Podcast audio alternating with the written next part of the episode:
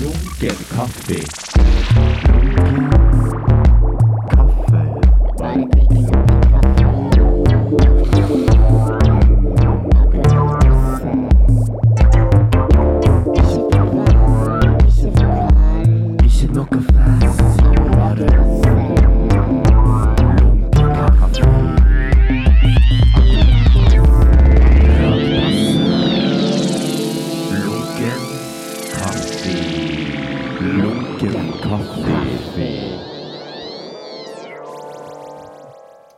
Velkommen til Lunken kaffe, Alexander Tranberg. Takk. Velkommen tilbake. Takk for det. Du har jo, Sist gang så var du jo med som, eh, som en duo, Mhm. deg og Martin. Ja. Så nå er du liksom her alene.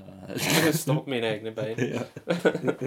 Det er greit, det. Det- Jeg føler vi snakket vel mest om podkasten Mhm. deres, Funny How. Ja, stemmer. Det var jo masse spørsmål jeg satt igjen med. Liksom. Har du tatt vare på dem? Ja, i hodet, ja. ja, riktig. Lagra det. Ja. Eh, For hvis vi går til faste innslaget 'Hvordan kjenner vi hverandre?' ja. Eller lunken bekjentskap, heter det egentlig. Ja. Hei sann! Hvem er du? En ny venn. Vær hilset, min nye venn. Hvordan kjenner vi to hverandre? Så trivelig med nye bekjentskaper. Gøy.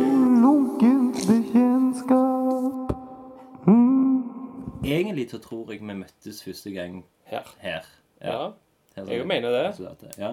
Og jeg, jeg tror det er sånn når jeg første gang vi snakket og sånn. Men jeg, jeg fant ut at du hadde skrevet en sånn melding til meg. Der til min uh, artist-pagen min, holdt jeg på å si, på Facebook. Nei. Hva er det jeg har skrevet, da? Og det var jævlig intriguing. Hva fader? Er det lenge siden? Altså, det er 2015. Eh, Ja, det er jo ganske lenge siden. Det er jo det. Sånn, ok, 6.7.2015, 0003. Tre minutter i tolv. Okay. Så skriver du Jævlig kul tegneserie. Er megafan av American Splendor.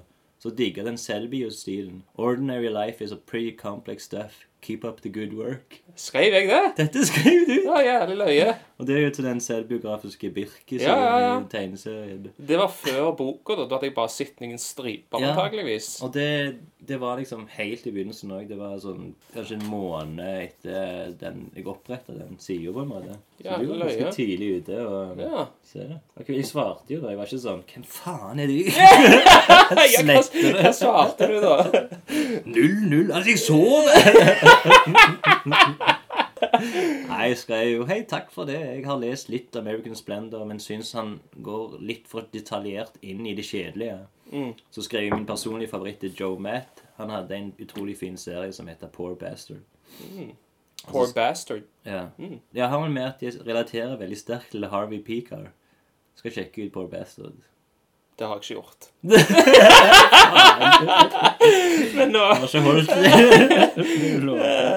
Men du husker liksom ikke at du har gjort dette? Nei, det gjør jeg faktisk ikke. Men jeg, jeg syns jo det var kult egentlig at jeg gjorde det, bare fordi at jeg ser noe som er fett, og så bare sier til noen Mm. Ja. at det syns jeg er fett. Mm. Det er jeg for så vidt fornøyd med at jeg har gjort. da. Ja. For det, det har ikke vært noen baktanker her, liksom. Sånn. Nei, nei, nei. Ofte når du reacher ut til folk, så skal du ha et Ja, eller annet. sant. Så det, det må jeg fortsette med. Jeg tror kanskje det er en stund siden sist. Kanskje det var forrige gang jeg gjorde det.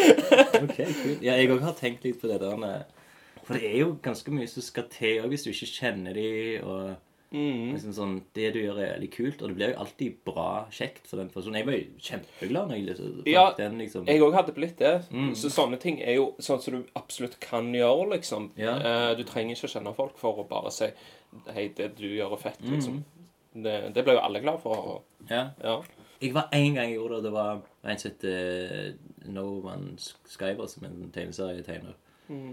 Og han Jeg delte liksom på Instagram sånn, du vet, på sånn historien, og så tar han liksom og deler igjen. ja. Og så Ja, det har jeg sett folk gjøre. Ja. Ja. Og det er jo på en måte sånn Bare han lagt merke til deg, liksom. Ja. Ja. I love this, så liksom skrev han liksom. ja. At jeg hadde liksom gjort det. Og da skrev jeg sånn tilbake en sånn oh, I'm really inspired by your stuff. I'm looking forward to you coming to Norway. For han skal komme til Oslo. Så. Og så bare sa han sånn takk, da. Men, men så er det føler jeg litt skam òg. Og jeg skrev liksom sånn Never been to Norway, bro, bro. så, sånn, eh, så skrev jeg et eller annet sånn At den var veldig inspirerende, da, liksom. Mm. Da kjente jeg at det var litt sånn eh, For da blir det plutselig sånn Ja, veldig inspirerende for det jeg gjør. Ja. Så, så liksom lurer det inn på min side. Ja, ja, ja, ja. Så Skal ikke du skrive noe fint tilbake? Ja. Hva var det han het, sa du? Eh, Noah Van Skyver. Sjekk Kult. det ut. Ja, ja, ja. Jeg skal ta, begynne med Poor Bastard. Altså. Men uh, altså, den uh, American Splendor var du veldig tidlig ute og, og liksom, På den? Ja. Nei, det var i forbindelse med filmen. Jeg så Ja, ok. filmen Ja. først. Mm. Uh, og så likte jeg så jævlig godt den filmen. Og der er jo Harvey Peacar og Nå kommer jeg ikke på hva kona heter. Men hun er med. Mm. Hun har jeg faktisk snakket med hun òg på Facebook. OK. Men det var, det, det var litt annerledes enn at jeg sendte deg en melding. For han er jo død. Han døde etter at jeg hadde lest tegneserien og sånn. som det. Mm. Men så ha- ha- har jeg òg sett han på YouTube, da, for han var jo veldig mye på Da- yeah. David Letterman, og de hadde jo et veldig merkelig forhold. De var liksom venner, men når han var på, så kunne det nesten virke som at de var uvenner, da.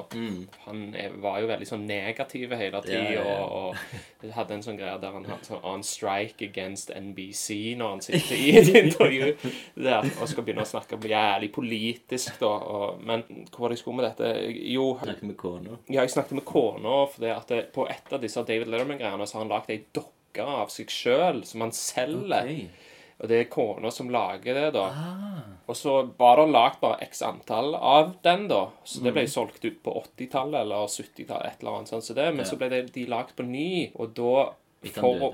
Ja, og, og for å kjøpe det da, så måtte du kontakte hun på Facebook. Okay. Og det var litt sånn innvikla liksom, hvordan du skulle få det. Men jeg har ei sånn dokke nå, da. Og sånn kom jeg liksom litt i kontakt med hun, og hun, Ja. hun spurte liksom om, om jeg eh, dreiv med og tegnte sjøl, eller om jeg kjente noen som gjorde det, fordi at hun skulle holde på med et prosjekt der og tenkte Ja. noen. Da spurte jeg en kompis, da, men da, da var han bare sånn Ja, er det betalt? Og så sa jeg nei, det, jeg vet, det, det tror jeg ikke. Sånn, ja. Ja, så da ble det ikke noe mer der. Men du har liksom Du kjøpte liksom alle de her bindene, og jeg vet ikke hvor mye det er av det engang, men Det er ikke så mange, for Nei. at han ga ut ett i året. OK. Eh, for det var jo, det var jo independent, skikkelig independent. Ja. eh, ja, sånn, sånn som du Det driver, antakeligvis. som- Du har publisert dette sjøl, har du ikke? Altså sånn som Ja. tegneserien din. Ja, ja, Den har du gitt ut sjøl. Ja, ja. Ja. Mm. Så, sånn var det jo for han òg. Mm. Og så han ga ut én i året, som regel. Og så ble han kjøpt opp da, til slutt, sånn at det er gitt ut gjennom lignende DC eller et eller annet. Ja. sånt som det, Men da ble de sånn dårlige. Så jeg tror det er 15 stykker eller Ok. Mm. rundt der som er originale, liksom. Og der har jeg eh, førsteutgivelsene av alle, faktisk. faktisk. fett. Mm. For jeg syns det som er greia, er at de er så veldig varierte i tegningene. Noen som er veldig sånn der han er superhelt Ja, av ja, ja, ja. og så er det han er litt grove og litt kissete. og- Ja. Jo er jo- Crumb, blant ja. annet. Mm. Så jeg har den som er liksom Som er hetten lignende som Piker og Crumb, liksom. Mm. Crumb har liksom tegnet, og han har skrevet. Alle Det er en de- sånn samling med alle de. Mm. Ja. Mm. Og det, det har jeg jo hørt at det skal være de beste òg, liksom. Ja, jeg jeg, jeg, jeg syns det er noen andre òg som tegner veldig kult, da. Ja. Som har fet eh, strek, er det ikke det det heter? Mm. Eller, ja. Uh, jævlig peiling. Ja, for når du begynner med her med hare Ja. Gåseøyne. Gåseøyne. Ja, ja. da viser du at du har peiling. Strek. Ja. Men da, da er det ingen som er veldig annerledes enn Crumb. Eh, hvor Ja. Du får se det sånn at det ligner mye mer på han, sånn som han Mm. er. Ikke sant? Det er litt mer den Rugged. streken. Ja, okay, ja. ja, og, men de er jo ganske kule, da. Og liksom tegninger som hvor rutene flyter litt mer inn i Mm. hverandre og sånne ting. Så det, okay. Det, det er ganske, ganske Ja, fett. for han ser jo ganske sånn Han så jo ganske sånn disgusting ut av og til. Og Ja, ja. Han var sånn, og han, det var jo han som hele tiden gikk og henta tegnere Altså, Jeg tror når han har sagt sånn ja, 'Gjør meg styggere, gjør meg styggere'. Ja, det kan Jeg føler jeg har hørt noe. Ja. Han ga ut et par eh, Jeg vet ikke om du så eh, det som het, en som heter Cleveland, eller noe sånt. Og, ja, han er jo fra Cleveland. ja, Han bodde der hele, hele livet, tror jeg. Ja, stemmer. Og så en som heter noe sånn Marokko, eller et eller annet sånt. Han Mm. ga iallfall ut noen sånn grafiske noveller, da. Mm. Der han liksom valgte ut noen tegnere så, som jeg kjenner litt til. da. Eh, Men da er det litt mer sånn politiske historier sånn, han, Mm. han tar for seg, Ja. tror jeg. Jeg har ikke lest det. Men jeg liker fenomenet. Ja, ja, Han var jo egentlig den første som drev med selvbiografiske tegneserier. Ja, han var det. Ja. Ja. Mm. Det var jo han som Ja, han startet jo en enorm bølge, liksom. Mm. Som ennå holder på. Jeg liker til og med de der Og, og jeg syns det òg er imponerende når en kan skrive om helt mundane ting. Ja. Og jeg føler liksom det treffer meg, jeg liker det, det er kjekt og underholdende og alt sånt. Så det, da, da føler jeg liksom at det er godt gjort. Ja. Men det er òg det, det blir litt sånn snevert. Du klarer ikke å nå en stor mengde, tror jeg. Nei, nei, nei. Hvis du går på sånn veldig mundane ting, da. Mm. For det, det, folk flest er nok ikke interessert i det. Det er jo en del av de som bare handler om de der de skal samle på de der jazzplatene sine. Ja, ja, ja, ja, ja. Det Men der, der kjenner jeg meg veldig igjen, for at jeg har liksom vært sånn Jeg har samla på filmer siden jeg Ja. var elleve år, Ja. og jeg har trålt rundt på bruktbutikker i Stavanger, og jeg liksom jeg, Så jeg Ja. Der òg kan jeg liksom er relatere det, til da. Den der eh, kjøpe og selge Ja. filmer og akkurat likt, egentlig, da. Men uh, DVD-samlinga di, Ja. den vil jeg gjerne høre om. For du Ja. kaller deg jo DVD-Alex. Ja, Jeg kaller meg DVD, liksom. Stemmer det. Det var egentlig ikke et kallenavn som jeg fant på sjøl. Det var Mm. fordi at jeg jobbet på en rusinstitusjon. Ok. Eh, og så hver gang jeg kom på jobb, så hadde jeg med DVD-filmer som jeg skulle se. Okay. Og derfor så fikk jeg kallenavnet DVD Alex av de som var på institusjonen der. da. Ja. Eh, og så syntes jeg det var et sånn fett uh, kallenavn, da, så da begynte jeg å bruke det i ny her. da. Så Ja. det var liksom mm, Ja, når, så når du sier du begynte når du var 11, var det Mm. liksom en Da begynte vi VHS, da. Hva husker du liksom den første sånn VHS-en som bare OK, den her, den skal jeg samle på? Altså, jeg har jo. Nei, det, altså sånn det starta, det var at jeg hadde et søskenbarn som var fire år eldre enn meg, eh, og han samla på VHS-er. Han stjal jo jævlig mye VHS. da. Han var helt sånn, han kunne gå inn i en bruk... Det var jo ikke så mange bruktbutikker som hadde de i coveret. Det, det har jeg hørt liksom fra folk som stjeler, er at eh, trikset med å stjele er at du må stjele som om det du stjeler, er allerede ditt. Altså, Du må ikke tenke på at du gjør noe ulovlig. Liksom, sånn at Han gikk bare inn med en bag, og så bare begynte han å rive ned filmer fra hullene. Og så sånn, snakkes, og så liksom sånn. Det sånn at Han hadde mye VHS-er, da. Men jeg hadde liksom ikke sånn baller til å stjele, på en måte. da. Eh, Jeg har gjort det òg noen få ganger, men stort sett kjøpe og Mm. bytte. Og før var det jo sånn du kjøpte en VHS til 50, Ja. og så kunne du bytte inn to for én. Du fikk 25 kroner VHS-en. Ja, sånn. Eh, på sånn som Løkkeboden Ja, eller eh, Løvås, Mm. Spiderman. Eh, det var jo mange flere. Nå er det jo kun Løvås igjen, da. Ja. Så det var, det, det var der det begynte, da. Den første VHS-en som jeg kjøpte, den kjøpte jeg sammen med han, søskenbarnet mitt. Ja. Det var Die Hard i New York. Okay. For han hadde ikke så mye penger, og så ble vi enige om at vi kjøper den sammen, selv om jeg hadde ikke VHS-spiller ennå. da. Jeg, Ja. Så jeg, det var liksom Vi fikk VHS når jeg var 11 år, da, så dette var før det. Okay. Men var det sånn at han fikk Du fikk ha han i helg og en helg? Og så Nei, det ble neste- mer sånn at jeg så han hos han, da. ja. Og Men den du har tror jeg ennå? Jeg har han ikke. Okay. Jeg vet ikke om han har han lenger heller.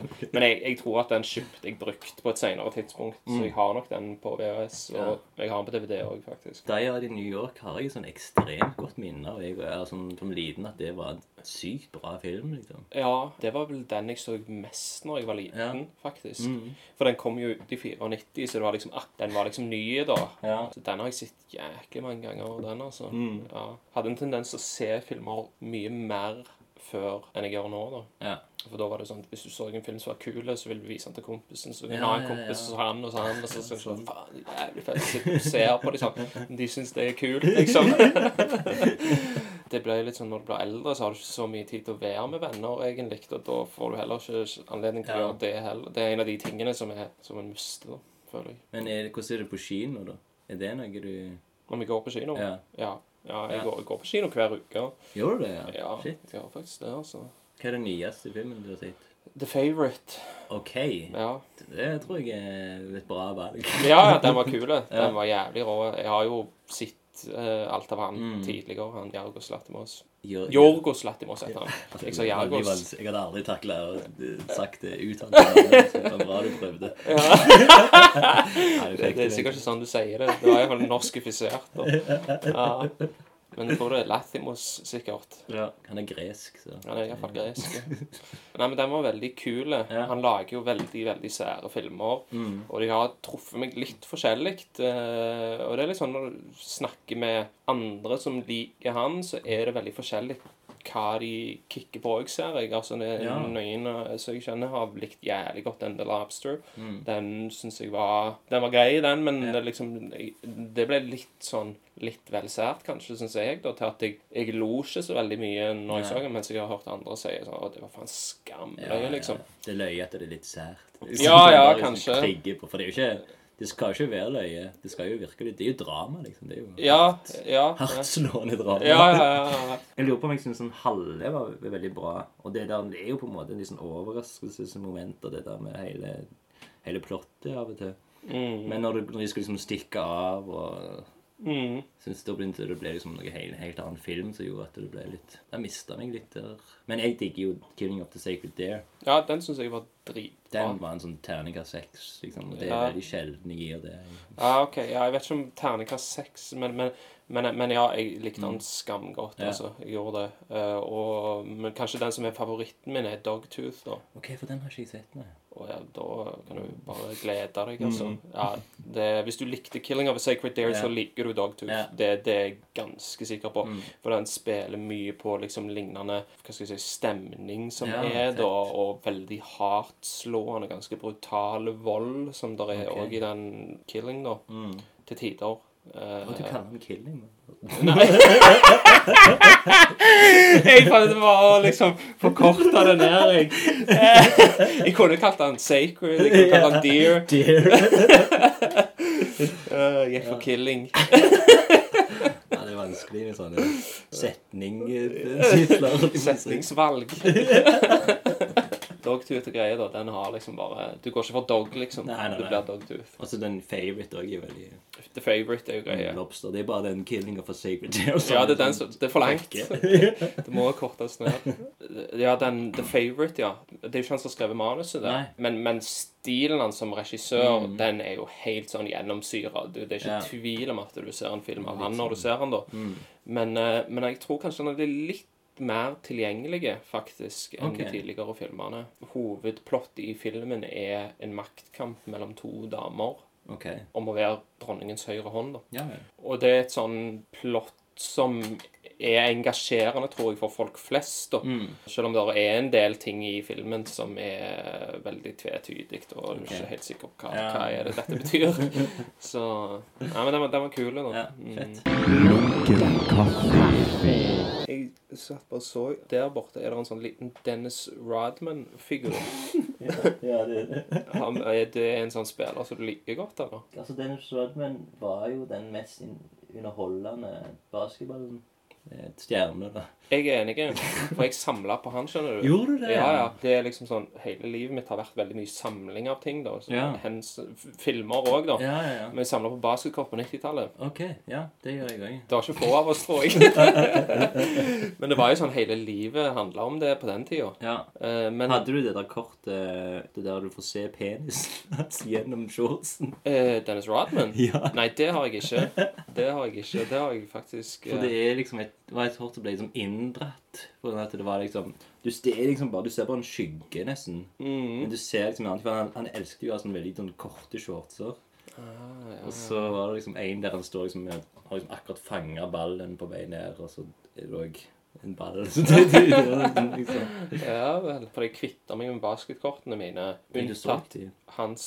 Ja, ok. Så jeg har alle Dennis Rodman-kortene Mm. fra han starta i Pistons. Så gikk han til Spurs. Ja, Og så gikk han til Bulls. Bulls, ja. Og så Lakers. Mm, lurer på om han hadde, var, var han i, vet ikke om han var i mer, men da slutta jeg å samle, da. Ja, han begynte vel på North Korea Gjorde han det? Nei. Oh, ja. Men det har jo fått med deg at han eh, Kim Jong-un elsket han jo så mye at han fikk han bort til Nord-Korea og liksom bare, bare hang med han. liksom. Å. Du har ikke fått med deg det? Nei, nei, nei. nei, nei. Dennis Rodman han har en jævlig løyen historie. altså. Alle de ting han har holdt på med. Han, begynte, han var vel Han var jo skuespiller òg. Ja, jeg vet Jeg har aldri sett faktisk noen av de Har du ikke? filmene. Har du? Jeg har sett eh, den med Van Damme som heter noe sånn lignende Double Trouble. Ja, ja, ja, stemmer. Jeg vet hvilken det er. Ja, Men den, den så jeg aldri. Men Ja. det er vel en av de mest kjente, tror jeg, kanskje. Mm. det er godt mulig. Ja, nei, men han, Jeg kan ikke se for meg at han er spesielt god som skuespiller, men eh, Altså, jeg så han jo på barneskolen eller noe sånt. Det var en sånn da kan det være det var fett òg, da. Ja, Ja. jeg tror egentlig det. Og Van Damme var jo dritkul liksom på den tida. Ja, jeg har aldri vært så inni han, altså. Nei, ikke jeg heller, men Nei. folk rundt meg det var veldig jeg måtte jo. Jeg var veldig på liksom Stallone, eh, Schwarzenegger eh, Ja. Hvem andre var det som var actionstjerner da? Dolph Wesley Snipes. Eh, ja, da, ikke, egentlig ikke Dolph Lundgren. Det var litt sånn trashy, følte jeg. Ja. Ja. Ja. Men Wesley Snipes, Ja. Sylvester Stallone Mm. Og Schwarzenegger Han ble vel litt sånn uh, han, eh, Bruce Willis. Bruce Willis var jo òg actionstjerne, absolutt. absolutt. Og der så jo veldig mange av de. Ja. Men aldri Van Damme, altså. Det, Nei, men han var, altså De andre hadde jo litt sånn litt kvalitet, men Ja, Van Damme var jo bare piss. Ja, det var piss. bås, liksom. Ja. Var liksom Mortal Kombat og Ja, eh, Bloodsport og sånn. Universal Soldiers, tror Ja. jeg har sett. Ja, The Quest er en sånn tittel som jeg kommer på. Men ja, nei, det, det er ganske The dritt. Rock er vel litt sånn nå. Dwayne Johnson. Oh, ja, ja, ja. Han er jo sånn, litt den typen, sånn som kom litt seinere, liksom, og, og tok over den rollen, på en måte. Ja, stemmer det. Han er liksom actionstjerna nå, ja. Mm. Han er det. Han er jo en veldig sjarmerende fyr, syns jeg. Altså, Jeg skjønner at han kan liksom Jo. Så faktisk en film med han for ikke så lenge siden. Den okay. der Hva var den het? Skyscraper, eller et eller annet. Mm. Var, det var en sånn sommerblockbuster-greie. Ja. Det er ikke en bra film, da. Men den, du vet hva du får når du går inn og ser den filmen, for å si det sånn. da. Har du tok en kinotur? Ja, ja, vi gjorde det. Det var meg og dama og så et annet vennepar. Så det var, ja. Den dame. Jeg tror ikke det var så mye annet, Nei, okay. kanskje. Jeg får ro meg i land her. Det var en sånn øde kino på bare ja. Ja, ja, ja. Sist gang så snakket vi i den julepodkasten på Mm. Funny How. ja. Og da var det et par filmer som du hadde gleda deg til, Mm, som du kanskje har sett nå. mm. Sånn som Mid-90s. Den har jeg sett. Ja. Og den leverte så faen. ja. Ja, har du sett den? Altså, jeg syns han er veldig litt for lik Kids. på en måte. Ja, han er jo veldig inspirert av Det Kids, er men, liksom- men Kids ah, er mye grovere, Ja, syns jeg. det Den er mye mer uskyldige. Ja, det er sant. Kids som har dette aids-greiene. Mm. For meg så ble dette, selv om stilmessig Jeg er helt enig, og han har jo sagt Mm. at Kids og This Is England og så et par andre filmer som har vært hovedinspirasjonen, da. Ja. Og, og Kids kan du se veldig godt, og kanskje den This Is England gjennom at det er en unge gutt med Ja, litt sånn, eldre ja. og sånn. Men denne ble så ekstremt sånn relaterbar, liksom, fordi at jeg, jeg skata på midten av 90-tallet, Ja. hørte på hiphop, Ja. sånn at alt ble så ekstremt relaterbart at jeg bare sånn satt og gliste hele tiden. Ja, men det, ja. det er bra, da. For, Så jeg, ja. For du sa jo at du, dette, den var den du gleda deg til så sinnssykt. Og- Den gleder jeg meg aller, aller mest av alt, Mm. liksom. Og den gikk eh, Jeg er såpass nerd at jeg har en sånn Jeg skriver ei topp ti-liste hvert år. Ja. Og den for 2018 går jo litt inn i 2019, for dette er jo en Ja, ja, ja. 2018-film som ikke har kommet Mm. til Norge. Så den er faktisk på toppen av 2018-lista. OK. Ja, faktisk. Ja, ikke verst. Nei, jeg, jeg koste meg jo. Det gjorde jeg jo når jeg så den. Så jeg var kanskje litt for streng da i tankene. Kanskje jeg, jeg hadde jo ganske høye forventninger til han. ja. Han eh, regissøren Eh, Jonah Hill. Jonah Hill, ja. At han, han var jo på mye sånn hiphop-radiokanaler og liksom snakket om liksom 90-tallsrappen og sånn. Mhm. Så jeg var veldig spent på hva liksom, musikk han la inn. Var du fornøyd med soundtracket? Ja, altså, det var Jeg hadde håp på litt mer. Og jeg hadde håp på Har du sett denne The Wackness? Ja. Den traff perfekt innen hiphopen. Liksom. Ja, den liksom- var jævlig kul, den Ja. òg. Men jeg syns kanskje sånn stilmessig uttrykksformen i denne synes jeg var Mm. mer spennende. Ja. Um, skutt på sånn 16 millimeter, så du får veldig den der 90-tallsfeelingen. Ja, ja, og Virket jo vel som han var lagd på 90-tallet. mm, Ja, han gjorde det faktisk. Den uh, innfridde den, altså. Mm, kult. Mm. Bra. Men nå kommer jeg ikke på hva annet som var på lista. Jeg vet ikke, White Boy Rick, var det det? For den, Ja, den, var, eh, den hadde vi jo en episode av, så den Ja. var litt sånn bob-bob, egentlig. Ja. Not made. Jeg vet ikke om hvor mye du gleder deg, men du, jeg tror du gleder deg litt Mhm. til The House That Jack Built. Ja, det kan stemme. Og en treer. Og Ja. den hørte jeg at du ikke var så fornøyd med. Nei, jeg var ikke det. Og det som, hvis jeg skal forklare det, da, så har det litt med at jeg likte sykt godt Nymphomaniac. Ja. Jeg syns at det var utrolig mange spennende sånn formgrep han brukte. Og så kom denne her, og så ble det liksom bare det samme. Det var liksom eh, Hei, se her er akkurat den samme kaninen jeg tok opp sist gang, liksom. Sånn, det Ja, var veldig få nye triks, liksom. Så, eh, samtidig så er det litt sånn corny dialog, veldig sånn unaturlig. Liksom. folk snakker ikke sånn som dette. Altså, så, så jeg hang meg litt opp i det. Ja, ja. Og, så, har du sett den, eller? Nei, jeg har ikke sett den, for jeg hadde tenkt å se den på kino denne uka, men så Mm. ble jeg syk. Men, men det er liksom en sånn film som jeg liksom bare tenker sånn ah, Fuck kritikken. Alt Ja. liksom, jeg har liksom så Jeg er så stor fan på en måte av Lars von Trier. Ja. Jeg må være liksom sånn hva heter det, biased, liksom. bare sånn, Det er sånn Mm. Bergman òg er liksom sånn, ja Det er alltid noe kjempebra i hver film, Ja, ja, liksom. Fordi at du liksom er så eh, svimmel eller av, av glede når du Ja, du skal fader ikke undervurdere det. altså Sånn bias som, som en har. altså Hvis en liker en filmskaper, Mm. så har du lyst til å like filmene når du ser dem, tror jeg. Og det har litt å si, altså. Har du en sånn så du bare tenker OK, fuck it. Jeg digger regissøren. Drit om filmen er litt drit, liksom. Ja, Woody Allen. Å ja. Jeg liker sykt. alle Woody Allen-filmer. Okay, til og med wow. de som er dårlige. Til og med de som liksom jeg kan se at, det, at denne er, han gjentar seg sjøl fullstendig. Det er liksom Det var en periode mellom 97, for så var det Deconstructing Harry, og så fram til Matchpoint, eh, som var 2005 eller noe sånt. Ja. Der er det mye sånn Det er ikke det er ikke hans glansperiode, Nei, da. nei. Men jeg storkoser meg med de Ja. filmene òg, jeg, altså. Jeg gjør det. Så han er absolutt en sånn for meg, da. OK. Ja, men han er jo en Bergman, liksom. Han elsker jo Bergman, Ja. det, og han snakker jo skammig om Bergman Mm. i filmene sine. Ja.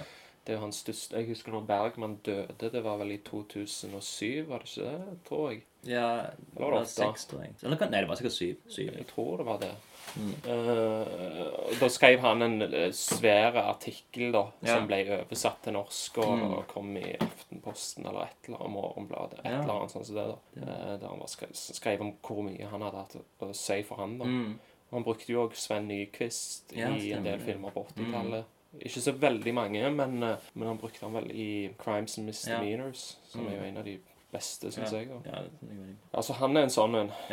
Ja. Mens Lars von Trier er litt sånn der er litt sånn hit and miss for min del. Ja. Jeg har sett det meste av han, men det er Han er jo sånn så jeg syns de der første filmene er litt vanskelig å komme igjennom. den Europa-trilogien og sånn som det, eller Ja.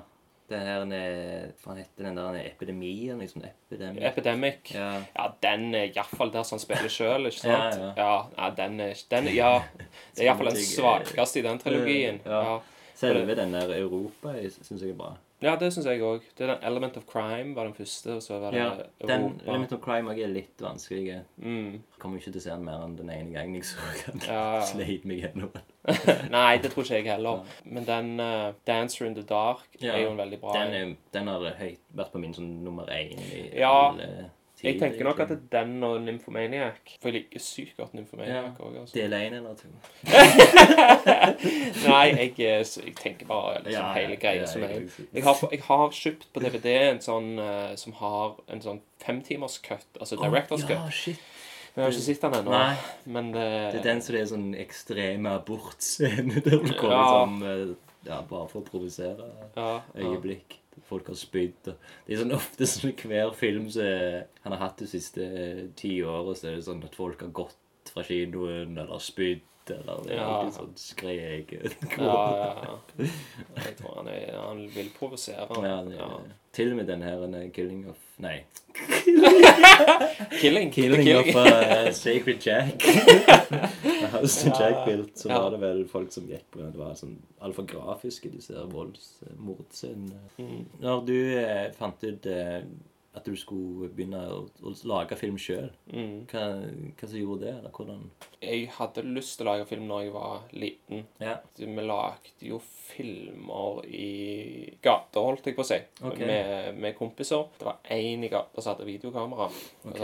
Én kassett. Ja. Det var sånn det som du kaller sånn in camera editing. ikke sant? Du sånn, Si hvis du skal ha en dialogscene, Mm. eh, så den, den var mellom meg Ja. og deg, da. Så står du først og filmer, sier du ja, og så OK, stopp! Og så sier du det du skal si, og så fram og tilbake. Fram og tilbake sånn så det er, da. Og så masse sånn denne SWAT-team som kommer inn og, med lekepistoler og sånn. Ok. Eh, så da ville jeg det, og så Men var det, det var liksom eh, krim du lagde, eller? Ja, det var litt sånn action, Action, ja. actionfilmer. Ja. Ja, det var det med knallbomber og Ja, okay. sånne ting som det, da. Jeg, jeg hadde da, knallbomber med stjerneskudd, og så hadde du rullet rundt. Og så syntes jeg at lunta var litt for korte, så de skulle dra den ut for å gjøre den litt Ja. lenger.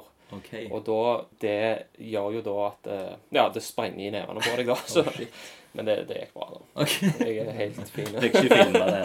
Nei, jeg fikk ikke filma det. Da tror jeg ikke det ble noe den dagen, faktisk. Og du utsetter innspilling neste dag.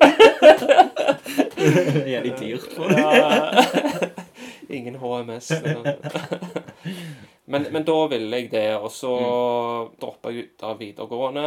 Eh, fullførte det når jeg først var 23 okay. på sonans. og Så, så det ble liksom ingenting før jeg begynte jeg å studere film når jeg var 25. Da hadde jeg jobbet i en haug med forskjellige sånn håndverkyrker, Ah, ja. institusjoner okay. og masse, masse forskjellig, da. Mm. Egentlig lagt det litt sånn vekk i forhold til Nei, det er ikke en sånn drøm som jeg skal fylle, liksom. Men okay. allikevel klarte du ikke å legge det vekk, for du Nei. fikk alltid sånne ideer. Og det hadde vært en fet film. Eller det hadde sånn, vært Jeg hadde en kompis som jeg liksom stadig vekk sa sånn at 'Det hadde vært en jævlig kul film.' Og så Mm. sa han til meg sånn 'Ja, men du sier alltid det, men du gjør aldri Ja. de ideene.' Mm. Og så da slutta jeg egentlig å si det Ah, Jeg slutta å fortelle det. Ideer. Ja, jeg slutta å fortelle det, for jeg, jeg innså at jeg gjør jo aldri noen ting. Og så på et eller annet tidspunkt så fant jeg Jo, det var i forbindelse med at jeg skulle studere, og så tenkte jeg sånn OK, hva skal jeg gjøre? Ja. Og så ble det til film, da. Ja. Og da flytta jeg, og så Ja.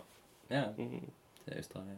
til Australia. Mm. Mm. Det var regissør. Ja, det var liksom det. det. tiden. Mm. Ja, det var det da. Jeg vet ikke om det er det like mye nå, nødvendigvis. Ok. Eh, For det jeg har alltid vært så veldig sånn regifokusert. Ikke sant? Favorittregissør. Yeah. Yeah, eh, veldig opptatt av I forhold til når jeg har samla på filmer og sånn òg, så er det liksom alltid etter den og den regissøren. Litt, Ja. litt sånn i forhold til det vi sier med i forhold til å være bias, da. Eh, Så, så det har alltid vært det jeg har gått Mm. etter, da. Og hele samlingen min er på en måte satt opp etter regissører. Regissør, ja. Ikke sant, sånn, sånn jeg har fordelt det, da. Når du studerer, så har du kanskje litt sånn store tanker, eller du du kan bli litt lost i drømmene dine, og du kan yeah. kanskje tenke at jeg kan bli en stor regissør, eller whatever, Ja, da. yeah, da. Mens når du begynner å jobbe sånn, så forsvinner det litt, føler jeg, faktisk. Og så er du gjerne happy med bare å få være med på et fett prosjekt, da. Ja, sånn, ja. Ja. Men du, du har regissert ganske mye. Når var du ferdig? Har du, er det bachelor? Eller? En eh, bach bachelor, ja. Ja. Jeg var ferdig i eh, årsskiftet 14-15. Så, Ok. Ja. Kom til Stavanger igjen i desember 2014, var det vel. Okay. Ja. Men da var du ikke ganske raskt ute da å bare regissere et musikkvideo? Ja, jeg regisserte musikkvideo. Det var vel et halvt år etter jeg kom hjem. Ja. For da kom jeg hjem, og så ante jeg faktisk ikke hva jeg skulle gjøre. Nei, okay. det var Eh, bare post eh, school depression lignende? Ja, og, og særlig når liksom alle du har samarbeidet med, er faktisk sånn rent faktisk på andre sida av jordkloden. Så, så var det sånn Hva faen skal jeg gjøre, liksom? Jeg har aldri vært god på noe foto og sånn, så, det, så jeg var liksom veldig avhengig av å ha en Ja, fotograf å jobbe mm, med. Ja. Eh, Så kom jeg på at jeg kjente en som heter Magnus Vatne. ja. Eh, og så tok jeg kontakt med han, og tok kontakt med Tore Pang.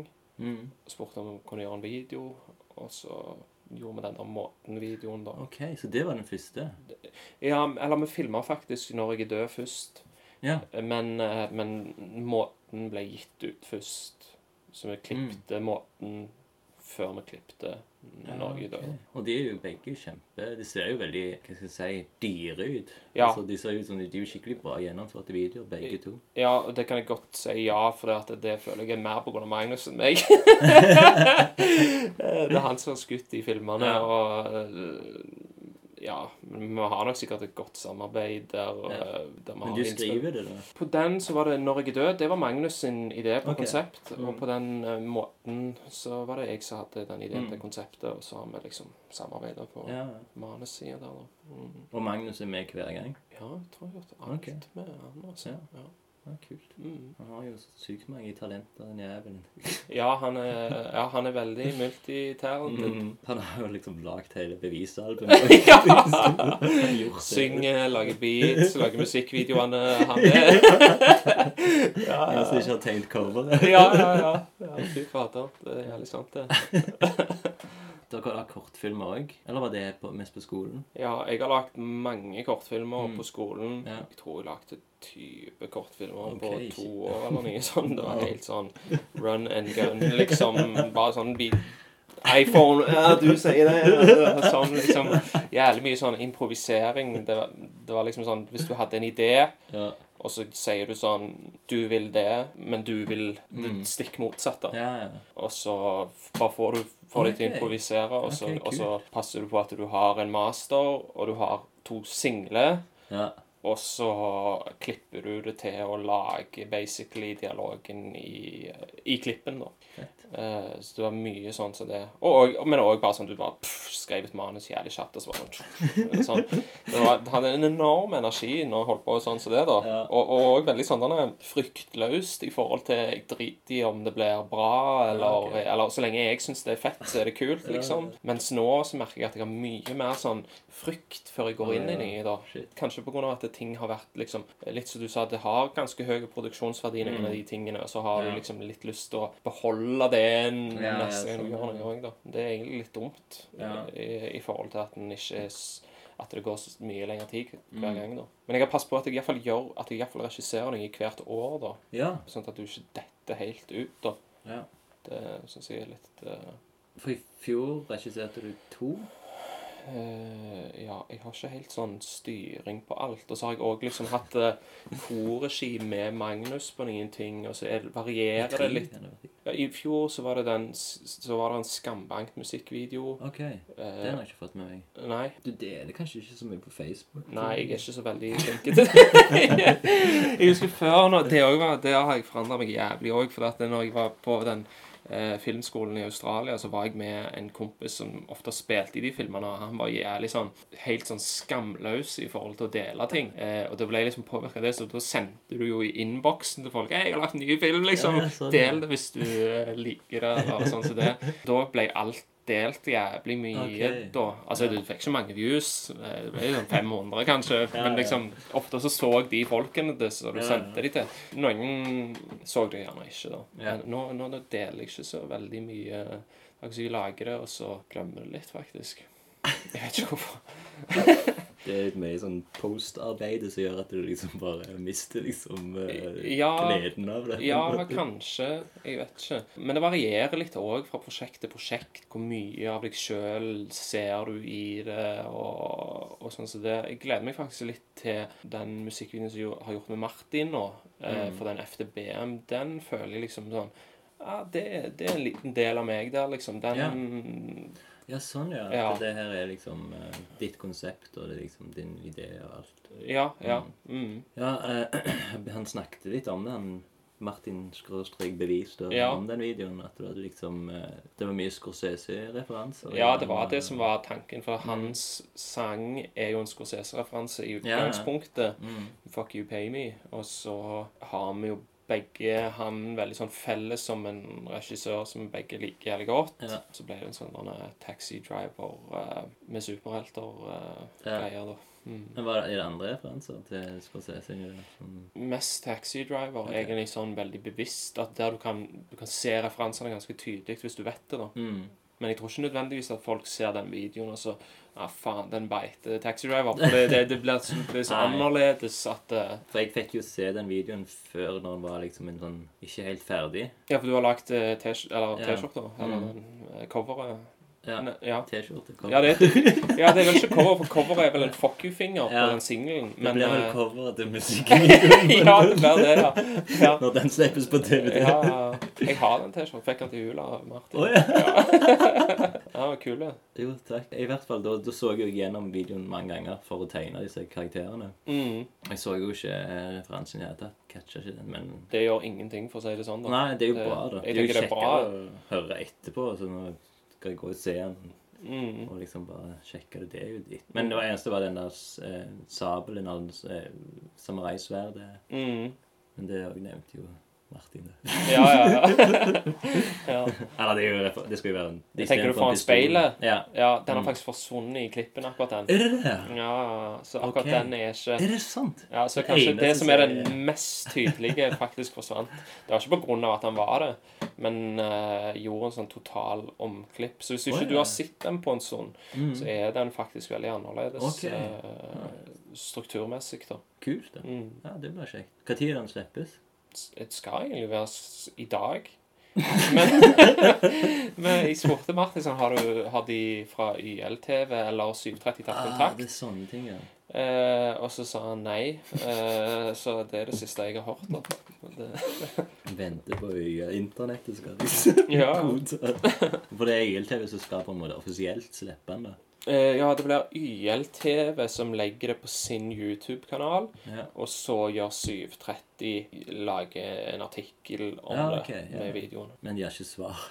Jeg vet ikke, de har ikke tatt kontakt. Han så jo veldig bra ut, og jeg gleder meg til å se den nye versjonen. Jo, takk. Den er nok ute når denne podkasten Ja, er ute. Ja, vi får håpe det. Men så var jo jeg var jo eh, liten skuespiller i en av dine Ja, det var jo den ene som vi gjorde med Isabel, ja. Ja. ja. Det var ganske gøy. Ja. Som baklengs musikkvideo. Mm, jeg syns den ble veldig bra. Ja. Selv om jeg fikk jævlig mye spagetti på meg. Det tok eh, mange vask før liksom all den der tomatsausen gikk av buksa. Ja, så du har buksa ennå? Den er Ja, ren det var, var favorittbuks. Å, faen. Det var en sånn typisk at jeg fikk låne jumperen eller ei skjorte til en Tore Pang. Mhm. Men buksa, det tenkte ingen på, Nei, liksom. nei, nei. Så, og han fikk jo Det var jo ingenting på, På skjorta. på skjorta, fikk jeg hadde jo sånn serviett. Nettopp. Nettopp. Så alt bare landa i fanget etterpå, så Ja, faen. Men det var fornøyd med fremstillingen. Det var kult, den. Eh, Men så Skambank, hva, er det, hvordan, eh, hva konseptet er det? Det er en musikkvideo som er mer sånn eh, Hva skal jeg si Vokaldreven eller artistdreven. Altså det, den, den gjorde Det har korregi sammen med Magnus. Der Der føler jeg kanskje at Magnus var hovedregissøren på okay. den, da. Ja. Eh, men jeg var jo med litt på liksom sånn idéutviklingen på det. Og det, det er en film som er ganske sånn vag, egentlig, men det er Linda, hun som òg er med som en av de superheltene, hun kvinnelige superhelten i den som kommer Ja. nå, Mm. hun spiller ei dame i den, og så okay. er det vel hinta litt til at hun er en litt sånn working girl. Eh, okay. Eller iallfall har et liv som ikke er helt Mm. på, på stell, da. Og så er det mye girl er veldig sånn fin måte å skrive det. ja. Trenger ikke si hva Nei, jeg jobber på Priksen. eh, Kasseansvarlig. Jeg må sjekke den. Men du har jo en hjemmeside, sikkert. Jeg har hjemmeside. Den er veldig dårlig oppdatert. Jeg lurer på bare legge ned hele driten. Så det liksom, du vil liksom ikke at folk Nei, det koster veldig lite å ha den, da, faktisk. Okay. Det koster bare sånn 200 i år eller noe Men sånt. jeg tenker siden du liksom ikke liksom Du legger ikke ut noen plass. Du vil liksom ikke vite Ja, sånn, ja, jeg vet da faen hva det handler om, egentlig. Men uh, om det er sånn jantegreier, eller Ja, sånn, ja. Nei, ikke nødvendigvis. Det Du er aldri fornøyd. Jo, jeg er faktisk, jeg Ja. er faktisk det. altså. Ja. Jeg, jeg prøver heller ikke å gjøre ting perfekt. og jeg er ikke liksom, I de tingene jeg liker sjøl, så er det ikke sånn at det, Å, den var bra fordi den er perfekt, liksom. Jeg liker godt at ting er kanskje uperfekt Ja, sånn, og litt sånn grovt. og. Sånn som denne FDBM-musikkvideoen som var meg og Magnus som hadde foto. da. Vi var begge midt i et sånn postproduksjonskjør med den 'Hvem drepte Birgitte'. Ja, ja, ja. Det skulle egentlig være ferdig. eh, Og jeg hadde bestilt billetter til han hovedskuespilleren. Han er en australiener som bor i England. Så han kom den helga. Vi måtte gjøre det den helga. Men vi var jo helt sånn totalt fesne, liksom. Men, da. ja, men vi holdt på med klipp og postproduksjon på Mm. Birgitte mens vi hadde fri akkurat den helga til å Ah, gjøre det. Det bærer kanskje litt Eller vi kan kanskje se at det bærer preg av det, men samtidig så syns jeg det er litt fett at den er litt sånn grov og stygg. Det passer litt til hele universet. da. Ja. Så, så av og til kan det òg funke, da. Men dere var heldige nok med været. Ja, det var bra, faktisk. Det er jo Ja. det verste. ja, det er sånn. at Det var ikke noe regn. Nei. er du på Screen Story, du òg? Ja, jeg begynte der nå Ja. i år. Ok, i januar. Er det liksom som regissør, eller er det bare sånn alt mulig film? Ja, regissør og titlene Tittelen min er regiprosjektleder. Ok. Så prosjektleder, det blir jo mer produsering, kanskje, og Mm. den organiseringsdelen av ting. Ok. For det er jo en sånn ting som jeg liker jævlig godt. Ja. Det er jævlig mange som ikke liker å organisere ting. Jeg syns det er jævlig kjekt, Ja. faktisk. Liksom sånn, Hvordan kan du gjøre ting mest mulig effektivt Mm. i forhold til tid, men allikevel du får det du skal, og sånn. Det er gøy. Satt jo eh, i Lagersveien der, helt nederst eh, jeg vet ikke Er det TVP der nå, eller er- Screenstore Screenstory begge? Nei, TVP eksisterer ikke lenger. Okay. Det, det har skifta navn til Screenstory. Ja, det er det. Ja. Det, når jeg holdt på med animasjon, så satt vi nede der i første etasje, i sånn, helt inne i et sånn hjørnerom, bitte lite. Tre stykker jobbet med animasjon. Hadde det glassdør, eller var det med faktiske dør? Det var dør, da. Ja, det Dette var i 2011, 12, 13 kanskje. Tre år. ja, Ja. det, ja, OK. 11, det, hvis det er 2011, det er jo faen så lenge siden, holdt jeg på å si. jeg vet ikke hvordan det så ut der, da. Nei, det er sant. det. Nei, det kan ha vært helt annerledes der, da. Det var da jeg begynte, var da jeg begynte på studiene. Nei, var det det? Ja. Ja, så da hadde jeg aldri vært der. Nei, Magnus jobbet der, da. Ja, han jobbet sikkert som frilans, da, han. Ja, Ja. Han var ganske mye der. Mm. Han var ferdig med studiene eh, våren 2011. Ja. Ja. Men han hadde kanskje hatt praksis der, eller noe sånt. Så det, og så begynte han som frilans med en gang etterpå, tror jeg. Det kan være. Det kan være at han kom etter hvert. Ja, jeg Mm. var der noen år, liksom, så var det sånn fram og tilbake igjen. Så han eh, Tommy, Mm. han var liksom sånn hadde først veldig tro på oss, Mhm. og så glemte han litt ut, for vi fikk aldri jobber. Oh, ja. Og så bare var vi der og holdt på å prøve å lage noen nye konsepter og ideer til sånn TV-serier og sånn. Skulle du lage en animasjons-TV-serie? Ja, vi hadde planer om det. Hvem var med? Hvem var du og Eh, det er meg og en som heter Jørgen Skar, som driver med teater nå. Og en som heter Anders Oliversen, som muligens har noen ting ennå. Han, han tror han jobber frilans, men han tegner mest. Jeg vet han hadde et lite oppdrag der på Screen Story for ikke så lenge siden. mm. Så vi satt der, og, og så kom vi på en jævlig Eller ikke jævlig, men jeg følte det var en god idé til en TV-serie. som Mhm. vi dro liksom til NRK og pitchet til NRK Humor. Og, kult. og de var bare sånn en av de beste pitchene vi har hørt. Og sånn. Men vi hadde ingenting klart. Så når vi produserte sånn syv minutter og vi fikk mye penger for Filmkraft og sånn, Mhm. så sendte vi de, disse syv minuttene med animasjon. Får vi tilbake igjen sånn ah, Det var liksom litt for treigt. Det tok for mye drama inn. Mhm. -hmm. Liksom ikke, for de hadde forventet at det var sånn Family Guy. liksom. Hva er storyen? Det var liksom Twin Peaks-inspirert, samtidig som det var inspirert av South Park og okay. eh, liksom danske filmer og rike Ja, jeg tenkte kanskje det var det hvis du, så når du sa Twin Peaks og så danske. Ja, Så, ja.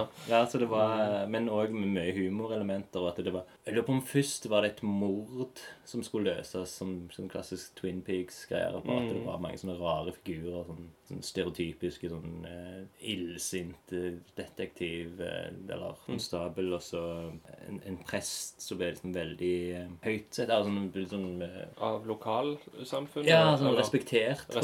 Respektert i Veldig respektert. Ja. Og en veldig dum eh, ordfører. Og eh, ja. Hva var settingen? Var det en oppdikta landsby? Ja, ja det heter, den skulle hete Kråkedal. Mm.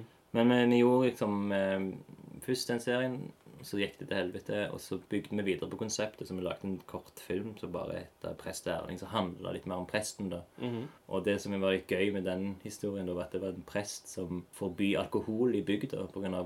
Kona altså litt, drakk litt for mye. Ja. Så hadde han fått Alle hadde litt, kunne bestemme litt i bygda. Og så hadde han endelig fått liksom lov å bestemme litt. Og da var det liksom at han skulle få, få vekk alkohol og så alt hva som fucked opp med bygda da. liksom. At Faren døde pga. han trengte sånn antioksidanter fra vinen for å overleve.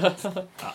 Nei, veldig rart. Um, men dette, den her kortfilmen gjorde at liksom, vi ble liksom Tommy fikk liksom Å, det her er jo dødsbra, liksom. Og eh, alle liksom på TVP da bare elsket denne filmen, Prest Erling. Det kom liksom en sånn produsent, Sigve Endresen. Mm. Han var liksom bare syntes denne filmen var helt Altså Hvis ikke vi vant pris på fil, eller Grimstad kortfilmfestival, så syntes han var rart, nesten. Mm. Og så kom han kun inn én plass, som vi søkte om liksom, sånne festivaler. Mhm.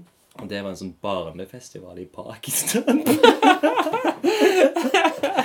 så, men så hadde jo vi blitt liksom Vi hadde fått promotion på en måte på TVP, der vi liksom fikk sitte rett med i andre etasje, sånn skikkelig fin eh, kontor. Skulle egentlig begynne å betale leie, som var liksom ganske billig. Mhm. Men det gikk jo sånn til helvete. liksom, det kom jo, jeg, kom til, jeg kom inn på Sandnes eh, Kort. kortfilmfestival. Liksom. Kort i Sandnes, ja. Ja, kort, ja. Mhm.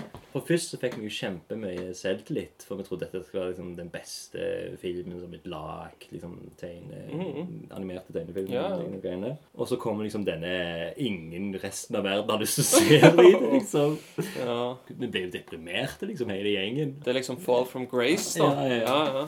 Og vi gadd liksom, vi orket liksom ikke å finne på en ny idé, for nå, altså vi hadde liksom feila så jævlig, følte vi liksom brukte ja, over et år på den filmen der. Og, og 20 minutter varte den òg. Å animere 20 minutter med den 3D var jo Det tar lang tid, ja. lang tid.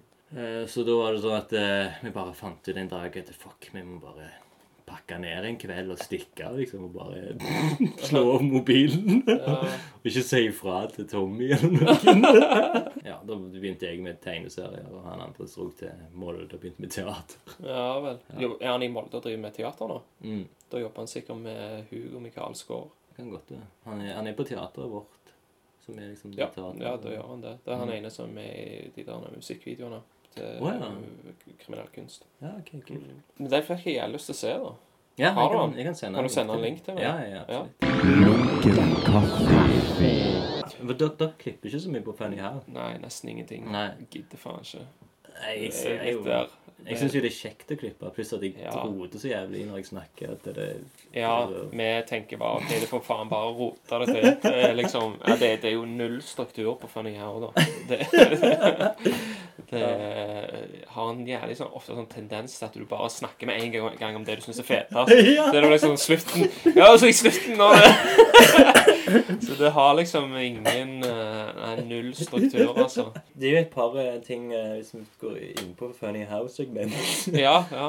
så er det jo Nå syns jo jeg det er jævlig kjekt med den starten, det med dere når dere snakker om filmer som kommer, eller nye Ja. sånn news, liksom. I ja. What do you hear, what do you say? Det har jo på en måte fått den delen inn i seg nå. At Ja. vi snakker litt om hva som skjer utenom akkurat den filmen vi snakker om. Det gjør veldig mye. For i hvert fall når det er sånn åh, Jeg orker ikke se den filmen der. Liksom. Ja, sånn, ja. Og- Men da kan det være kjekt å høre på allikevel. Ja, så hører jeg liksom begynnelsen og, og s- litt slutten òg, da. Men, Ja. men eh, jeg er jo enig i at det er et par ganger jeg tenker sånn Hvorfor skal du begynne der? Ja. Hvorfor? Og så er det sånn Dere har ikke så ofte dere har helt en synopsis, eller hva er det han filmen handler om? Det er bare Ja. ja. denne scenen der. Ja, ja, ja, ja, ja, ja. Men det er jo det må jo være litt digg og avslappende bare ikke være altfor sånn strukturert og liksom Ja, det er Mm. jo jævlig enkelt for oss, da. Nei, men det kan være en idé å kanskje starte med å bare gi en sånn én til to setnings synopsis. Det kan Ja. kanskje være noe som vi bør begynne å gjøre. Før vi liksom ja, snakker om slutten. Vi skal jo ha en, eh, en slags uh, Funny. How eh, Bergman eh, Funny Bergman. Funny Bergman. Han er jo funny noen ganger, da. Seven Seal, for eksempel, så er der, eller Syvende innseilet, så er det jo en sånn scene hvor døden skal ta noen, Ja. og så har han gått og gjemt seg oppi et tre, og så står han med ei sag og skal sage det- han ned. Han har faktisk litt sånn glimt i øynene en gang, han òg. Han har veldig mye morsomt. Og av og til så syns jeg jo den der eh, den altfor dramatiske greia òg er jævlig løyen. Ja, og når det blir skikkelig sånn melodramatisk. Ja. ja. Og så bare sånn overtydelig teatralsk, liksom. Mm. Det er ingen sånne tilfeller i denne òg. Ja, absolutt. Ja, definitivt. da går vi vel inn på segmentet Bergman, da. Ja.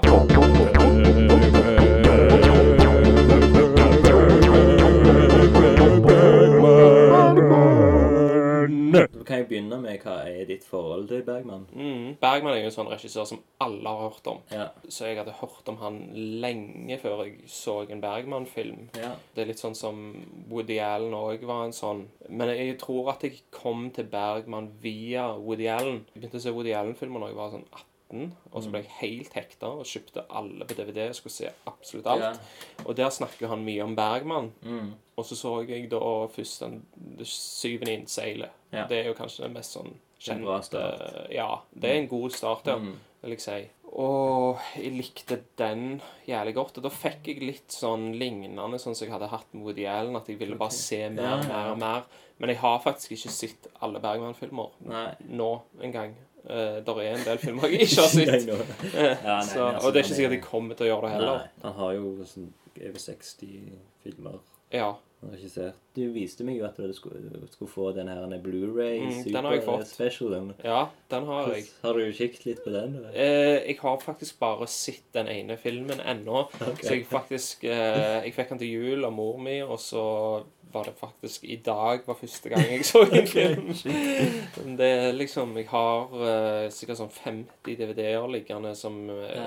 er ting jeg ikke har sett, og så Ja, sånn, ja. så prøver jeg å se det, og da blir det sånn at du ser ting som du har sett. Og Bergman er òg litt sånn, så du må være litt i humøret til å se Ja. det òg. Det er ikke hver dag jeg har lyst til å se en Bergman-film, liksom, for det er ganske heavy, og Ja. heavy psykologiske greier, og, Mm. og stemninger i det som er ganske heavy, da. Mm. Det er det jo i denne som jeg skal snakke om òg. Ja.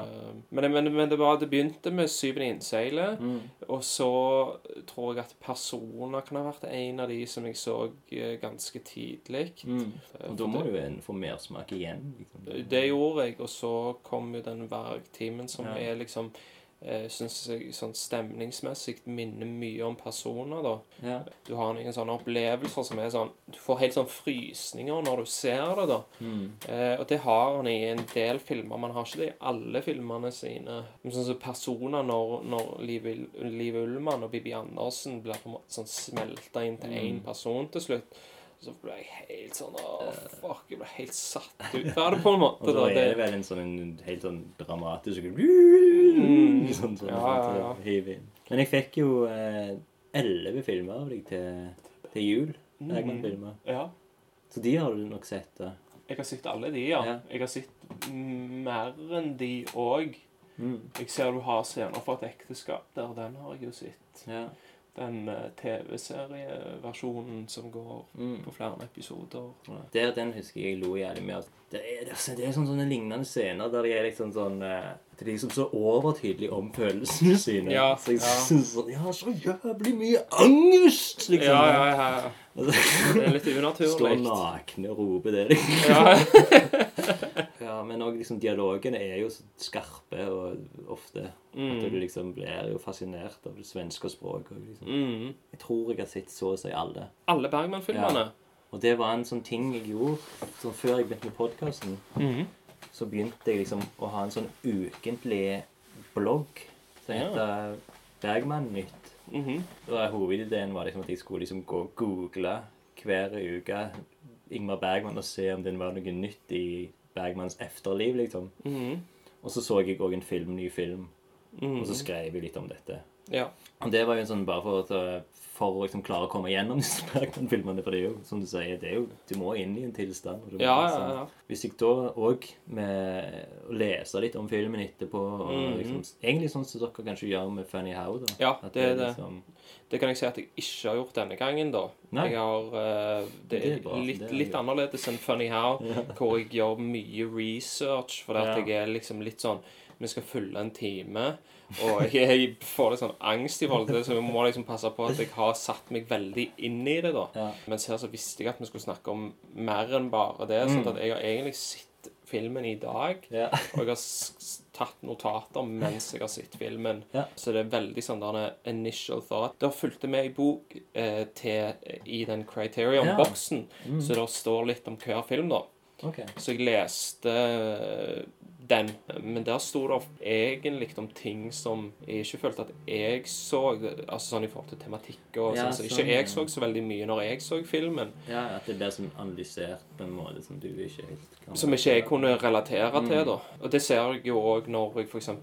gjør research til Funny How og kanskje leser noen anmeldelser og sånn, så, det, Mm. så, så ser jeg at det er noen som har en vinkel på ting som jeg ikke kan relatere Ja, meg ja, til. Mm. Men så er det andre ganger hvor du ser noe som gjerne vekker noen tanker i deg. Ja, faen, ja. Og så kommer du på noen andre ting, da. Det er jo det kjekkeste, egentlig. da. Ja.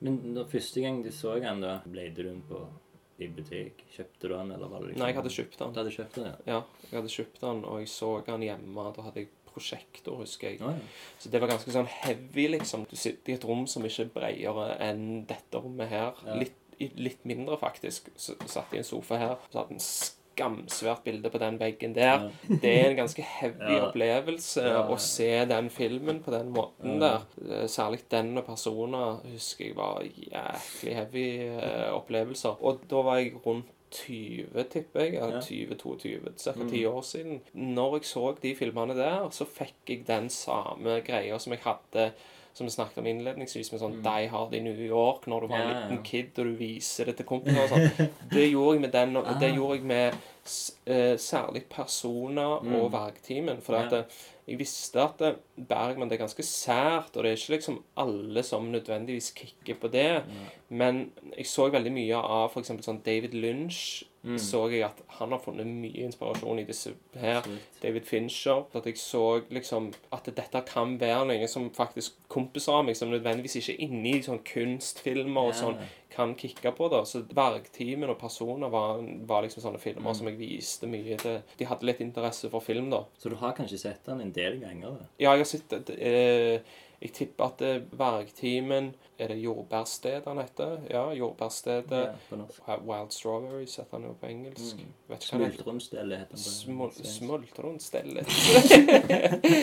Syvende innseilet. Mm. Dvergtimmelpersoner. De er vel kanskje de jeg har sett aller mest. De har jeg sett mange ganger. Mm. Og så er det noen jeg har sett kanskje mer enn én gang. Så er det veldig mange som jeg har sett bare én gang. Jeg kunne tenkt meg å sitte gjennom alt, men jeg tror at det, det kan være lurt å kanskje ta en litt sånn approach som du gjorde, at en deler litt opp. Ja. Ja. Jeg tror det var en av de første jeg også så. For meg var først jeg så uh, Signe innseilet og Smultronstellet. -hmm. Jeg lurer på om scener fra et ekteskap kan kom ganske tidlig. mhm. Og så tror jeg det var den uh, vergetimen. Da. da jeg leide det på biblioteket. Det var da jeg fant ut at det faktisk var Jeg kan leie filmer på biblioteket. Mm. leide Bergman-filmer. Men eh, jeg så òg en nylig på Stavanger kino. Den var nettopp på Stavanger kino, ja. Ja. Jeg lurer på om jeg snakket med deg litt på Facebook om det, at Ja. du hadde vært og sett den. Mm. For jeg så at den var, og jeg hadde lyst til å gå og se den. ja. Men så var et eller annet kom i veien, da. Så jeg fikk ikke gjort det, da. Og det, var, det kult. Det føltes veldig bra, liksom. Det Mm. koste meg sykt mye. Det var,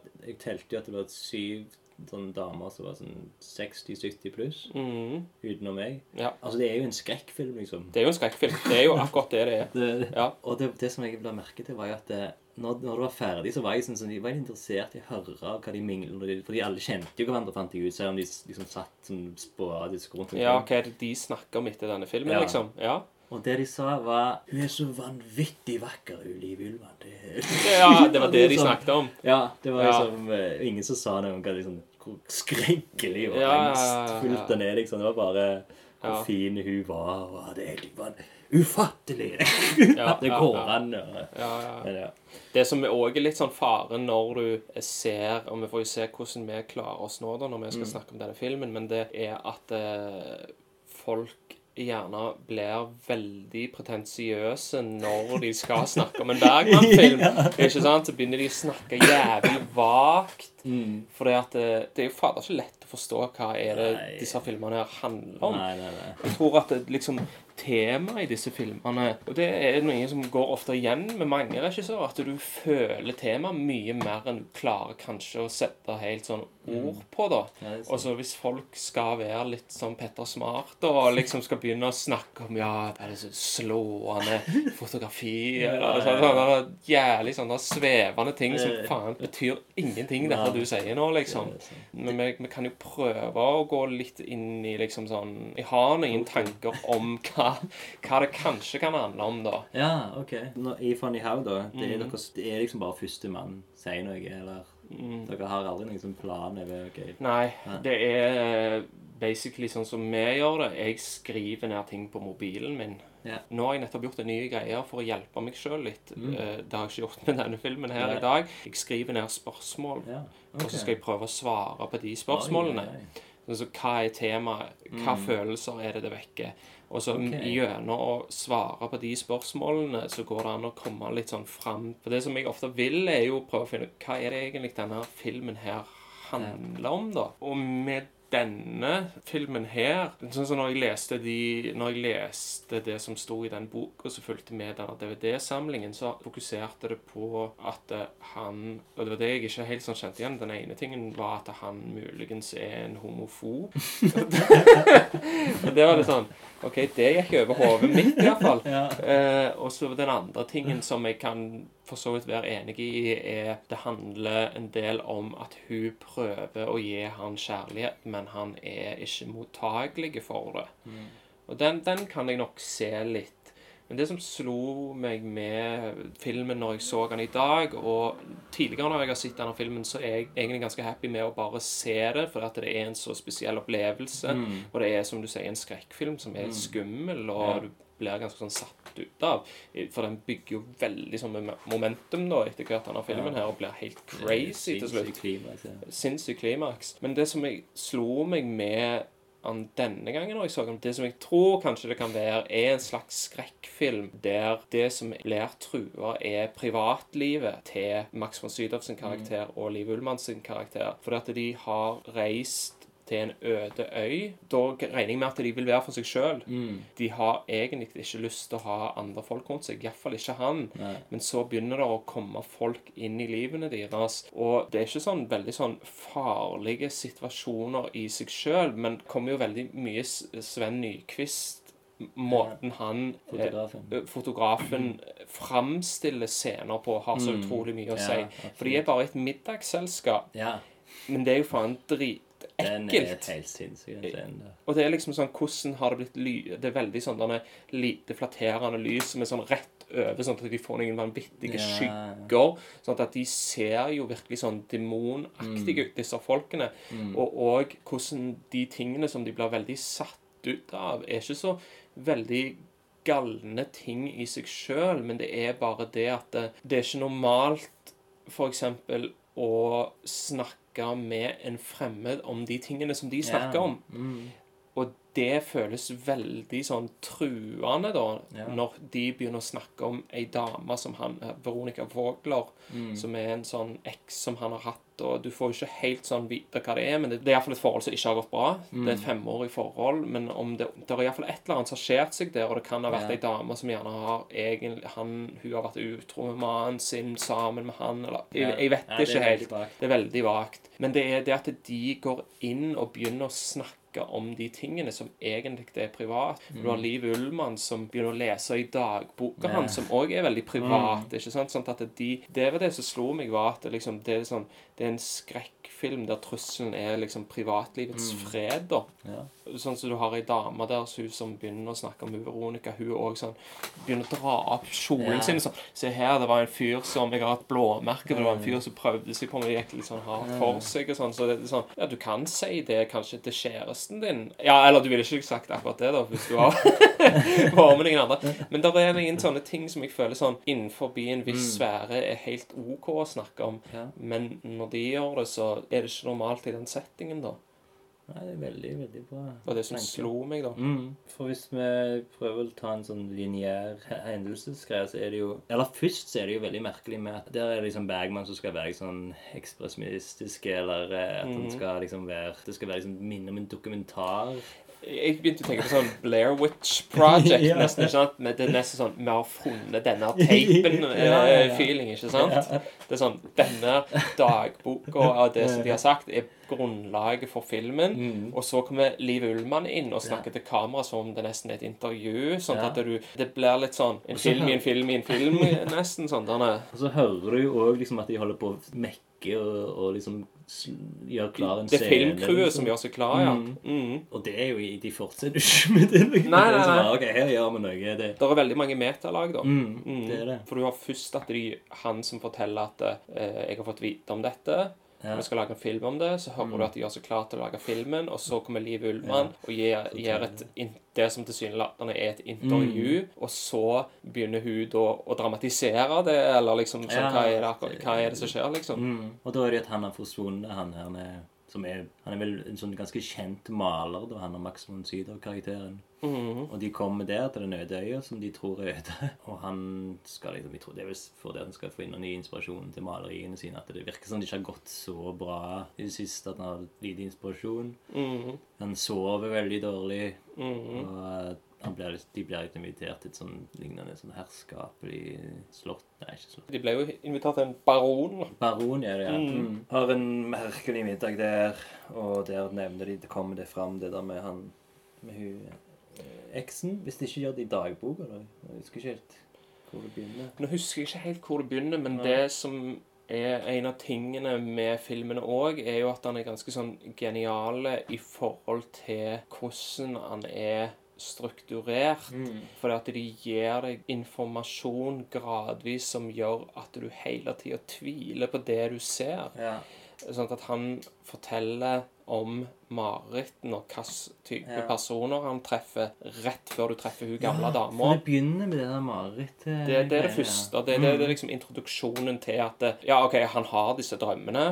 Dette er karaktergalleriet innenfor Mm. Ja. drømmene. Og så treffer du hun gamle dame Mm. som sier at hun er 200 år gammel. Og da tenker du med en gang på det Ja. hun som river av seg hatten, og så Mm. mister du ansiktet òg, da. Ja. Og sånn skjer hele tida gjennom filmen. Nå husker jeg ikke alle eksemplene, men, men det er sånn at det kommer litt informasjon som gjør at du vet ikke om det er ekte, eller om det faktisk skjer. De skrev ned de der demonene han snakker om, og den første er bare 'han er homoseksuell'. Som er liksom bare OK. Ja, kanskje det er det det homofobe Ja, det greiene kommer er. fra, ja. Da tenkte jeg som at det kunne det være den der lille gutten. Mm. At det er på en måte den demonen. For det, midt i filmen så er det en sånn merkelig scene der han dreper en gutt som også Mm. er en demon. Og så er det liksom fuglemannen som er verstingen. Det er jo han som ser ut som Ja, djevelen han sjøl. ja. Ja. Begynte å skru litt fram til hva er egentlig, hva rolle er egentlig han? Altså, Han har en tittel som er så, så rar. Noe sånn arkivist eller noe sånt. At han er liksom Han samler og kategoriserer ting. ja. Så Og så er han jo òg en puppet master, da. Ja. Og det er jo en ganske sånn vidle scene der han har et sånn eh, Ja, eh, dokketeater med et ekte menneske. mm. Det er jo veldig klart. Så der òg Og måten Og en djevelen, liksom. Ja, der får du veldig sånn Ja. djevelen-vibber, da. Mm. Særlig liksom igjen det som jeg nevnte med Sven Nyquist, hvordan liksom det har blitt fotografert og lyssatt. Så jeg ser jo han Du har en sånn Mm. undervinkla greie på han når han står over denne dokka som er et menneske, Ja, ja, som han ser virkelig Ja. ut som djevelen, da. Når, når han nevner han fuglemannen da, i disse ramsingene sine, da sier han jo òg Nevner denne trollfløyten. At han, har en, at han er en av de karakterene i trollfløyten, som er liksom det teaterstykket som de setter opp. Mm. Og så er det noen andre som jeg ikke helt så. Det var liksom Edderkoppmannen og Dame med steikepanne. Ja. så det liksom Det er vel noen av de, der òg. Men så er det jo hun gamle damen, da, som han nevner. Altså Selve tittelen på filmen, det leste jeg litt om. Det står jo forskjellige ting, men det én ting er at det er, det er Bergman sjøl som har liksom eh, funnet på ordet og oppbygningen. Han gikk til en sånn eh, en forsker og, og liksom bare spurte hva er tradisjonen rundt ordet verktimen. At Bergman går til en forsker, liksom sånn folkeviter, liksom. Mhm. Eller folkeliv, tror jeg det var forsker. Mhm. Og han her forskeren han hadde jo ikke peiling. Har aldri hørt det før. Liksom. Nei. Men så had, eh, etter hvert så er det liksom en, litteraturviter da, som har liksom funnet det at det er et kinesisk uttrykk som heter tigerens time. OK. Som er liksom den ene timen før daggry, liksom. Ja. Som der det var Og da var det liksom prega av marerittangst og død og sånn rundt den. Men det var ikke noe For når, når de skulle forklare vergtimen da i filmen, så er det jo den timen der Eller de timene er det vel der flest, flest folk dør. Flest dør, flest blir født. Ja. Hvis du sover, så har du mareritt, og hvis du er våken, så er du redd. Ja. ja. Mm. Når jeg leste litt mer på det òg, så var det liksom Det brukes i dag som liksom den timen, eller de timene rundt når eh, ungene kommer hjem fra skolen eller ferdig på jobb. Den der tiden rett før maten. Er det, blir det kalt Ja, det? det er jo liksom ulvetimen, da, Oi. Eller vergtimen. Liksom, at Ja. det her er liksom det er sånn det er mye konflikter, så var de så sultne og hadde en lang dag. Ja, ja, ja, ja. Eh, og så sto det en annen plass òg at det, var, det kom fra sånn gammel, gammel Fra gammelt av, liksom. Men Mm. de mest sannsynlig, de meste plassene sto det liksom det var Bergman sitt som det kom på. Liksom. Jeg får jo inntrykk av at det går seg an å lese òg en plass, men at det, han er, virker jo som en representasjon av Bergman. Og jeg føler jo at jeg ser ut ifra jeg, jeg tror kanskje du vet litt mer om forholdet til Ullmann og Bergman enn kanskje hva jeg har, for jeg vet at du har sett dokumentarer og, yeah. og sånn. Men jeg får jo inntrykk av at han eh, ikke var sånn jævlig lette person å leve med, og det virker jo heller ikke som eh, hun, Altså, hun prøver jo liksom å gi han kjærlighet og være støttende for han og sånn som det, men han er liksom ikke mottagelig for at de demonene eller de Ja, marerittene har tatt helt overhånd, da. Så jeg føler jo at jeg ser litt av det. Eh, Den der triologien med Skammen og, og den der Anna Hva var det? Skammen og Passion of Passion Anna. Anna og den her. Og det, det er jo Begge er jo Liv Ullmann og Maximum Sydow. Mm. Og det er vel, tror jeg han har sagt sjøl, at det er liksom han sjøl helt klar, liksom. Ja. Alle de tre, Ja. kan man si det. Ja. Spiller seg sjøl. Det er deres forhold som blir Ja, liksom det vist, ja. da. Mm. Ja. Jeg har jo hørt sånne rykter om at for eksempel, du, du har jo sett den der den Paul Thomas Anderson-filmen og den eh, Phantom's Thread. Mm. Det er jo liksom òg, føler jeg, en sånn Bergman-geni, han her er, Ja. Som, som blir spilt av Ja, det er sant. Ja, det, det er faktisk en link der Ja. mellom, de, eh, mellom de filmene der, ja. For jeg har jo som eksempel Men da er det jo mer det der Da er det ikke, det er ikke så mye snakk om angsten. Eh, men han har selv, Bergman har sjøl skrevet liksom at det er for eksempel det der om morgenen må han ha den der enorme roen. Hvis noen bare lager en lyd, da, da Mm. klikker det liksom for når da er hele dagen ødelagt for en som liksom og skriver eller Sier Bergman det? mm. Og ja, det er jo helt likt som Ja. i den når hun holder på med frokosten og Ja, sånn som ja. det, ja. ja. Og det er jo litt likt det med eh, at hun dama prøver å gi han kjærlighet, men han liksom ikke lar henne slippe inn. Mm. Og i den filmen så virker det som at det har med, med mor hans å gjøre, da. Og at han Iallfall sånn som jeg tolker det, at, han, at det på grunn av at han har mista mora når hun var så jævlig unge, så har han Så tør han ikke akkurat å Han tør ikke slippe folk inn, da, fordi at han liksom Sånn rent psykologisk så blir du redd for at du skal miste dem, og da er det mye bedre å bare ha et sånt skjold, sånn at ingen slipper inn, og liksom sånn Det du ikke får, mister du ikke heller, liksom. Nei.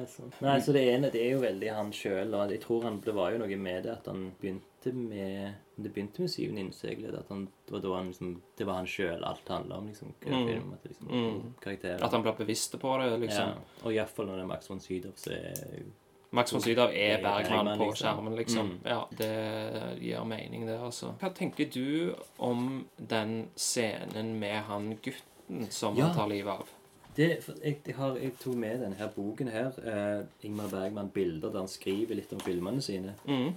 Så, så han skrevet liksom om den scenen, da. Mm. Den er jo helt ekstremt merkelig og brutal og liksom bare helt en Skikkelig unge horror, horrorscene, da. Ja, Veldig ja. skummel og Og, og musikken er jo veldig sånn mm. eh, Det er vel sånn eh, fiolin så mm. Men da, da hadde han skrevet at de skulle egentlig være nakne. OK. Og da jeg tenker jeg jo igjen at det er den homofob-greiene som du snakker Ja, om. ja, ja. Feilen han hadde skrevet han selv, Feilen er at bare at demonene skulle vært, vært naken. Og hvis vi tar enda skrevet, skulle Johan også være naken. altså Max von Sydow karakterer. Jeg hadde en følelse av dette mens vi filmet episoden, men jeg orket ikke. Eller våget ikke. Eller orket ikke å våge å foreslå dette for Max von Sydow. Hadde begge aktørene vært nakne, ville scenen blitt brutalt tydelig. Der når demonen klorer seg fast til Johans rygg og hugger etter han, knuses han mot fjellveggen. Orgastisk styrke. Ja. Hva tenkte du, liksom? Eller hva pleier du å tenke når du ser den? Altså, nei, jeg tenker egentlig at det, at det er han, jeg. Ja. Og grunnen til det er fordi at hvordan informasjon blir gitt i denne filmen på en måte som jeg føler da skal jeg tenke det av den informasjonen jeg har fått. Og han snakker om seg sjøl som unge, at han har blitt låst inne i et Ja, skap. ja, ja. Og det neste som skjer er den scenen når han tar livet av den ungen Så jeg har alltid tenkt egentlig at det er han, jeg. Ah. Som barn. Ja, ja, ja. Som angriper han. Og det, og det kan jo sånn som en metafor at du blir liksom angrepet av deg sjøl som barn. At det er det liksom fortid som innhenter deg, eller et eller annet sånn som det, da.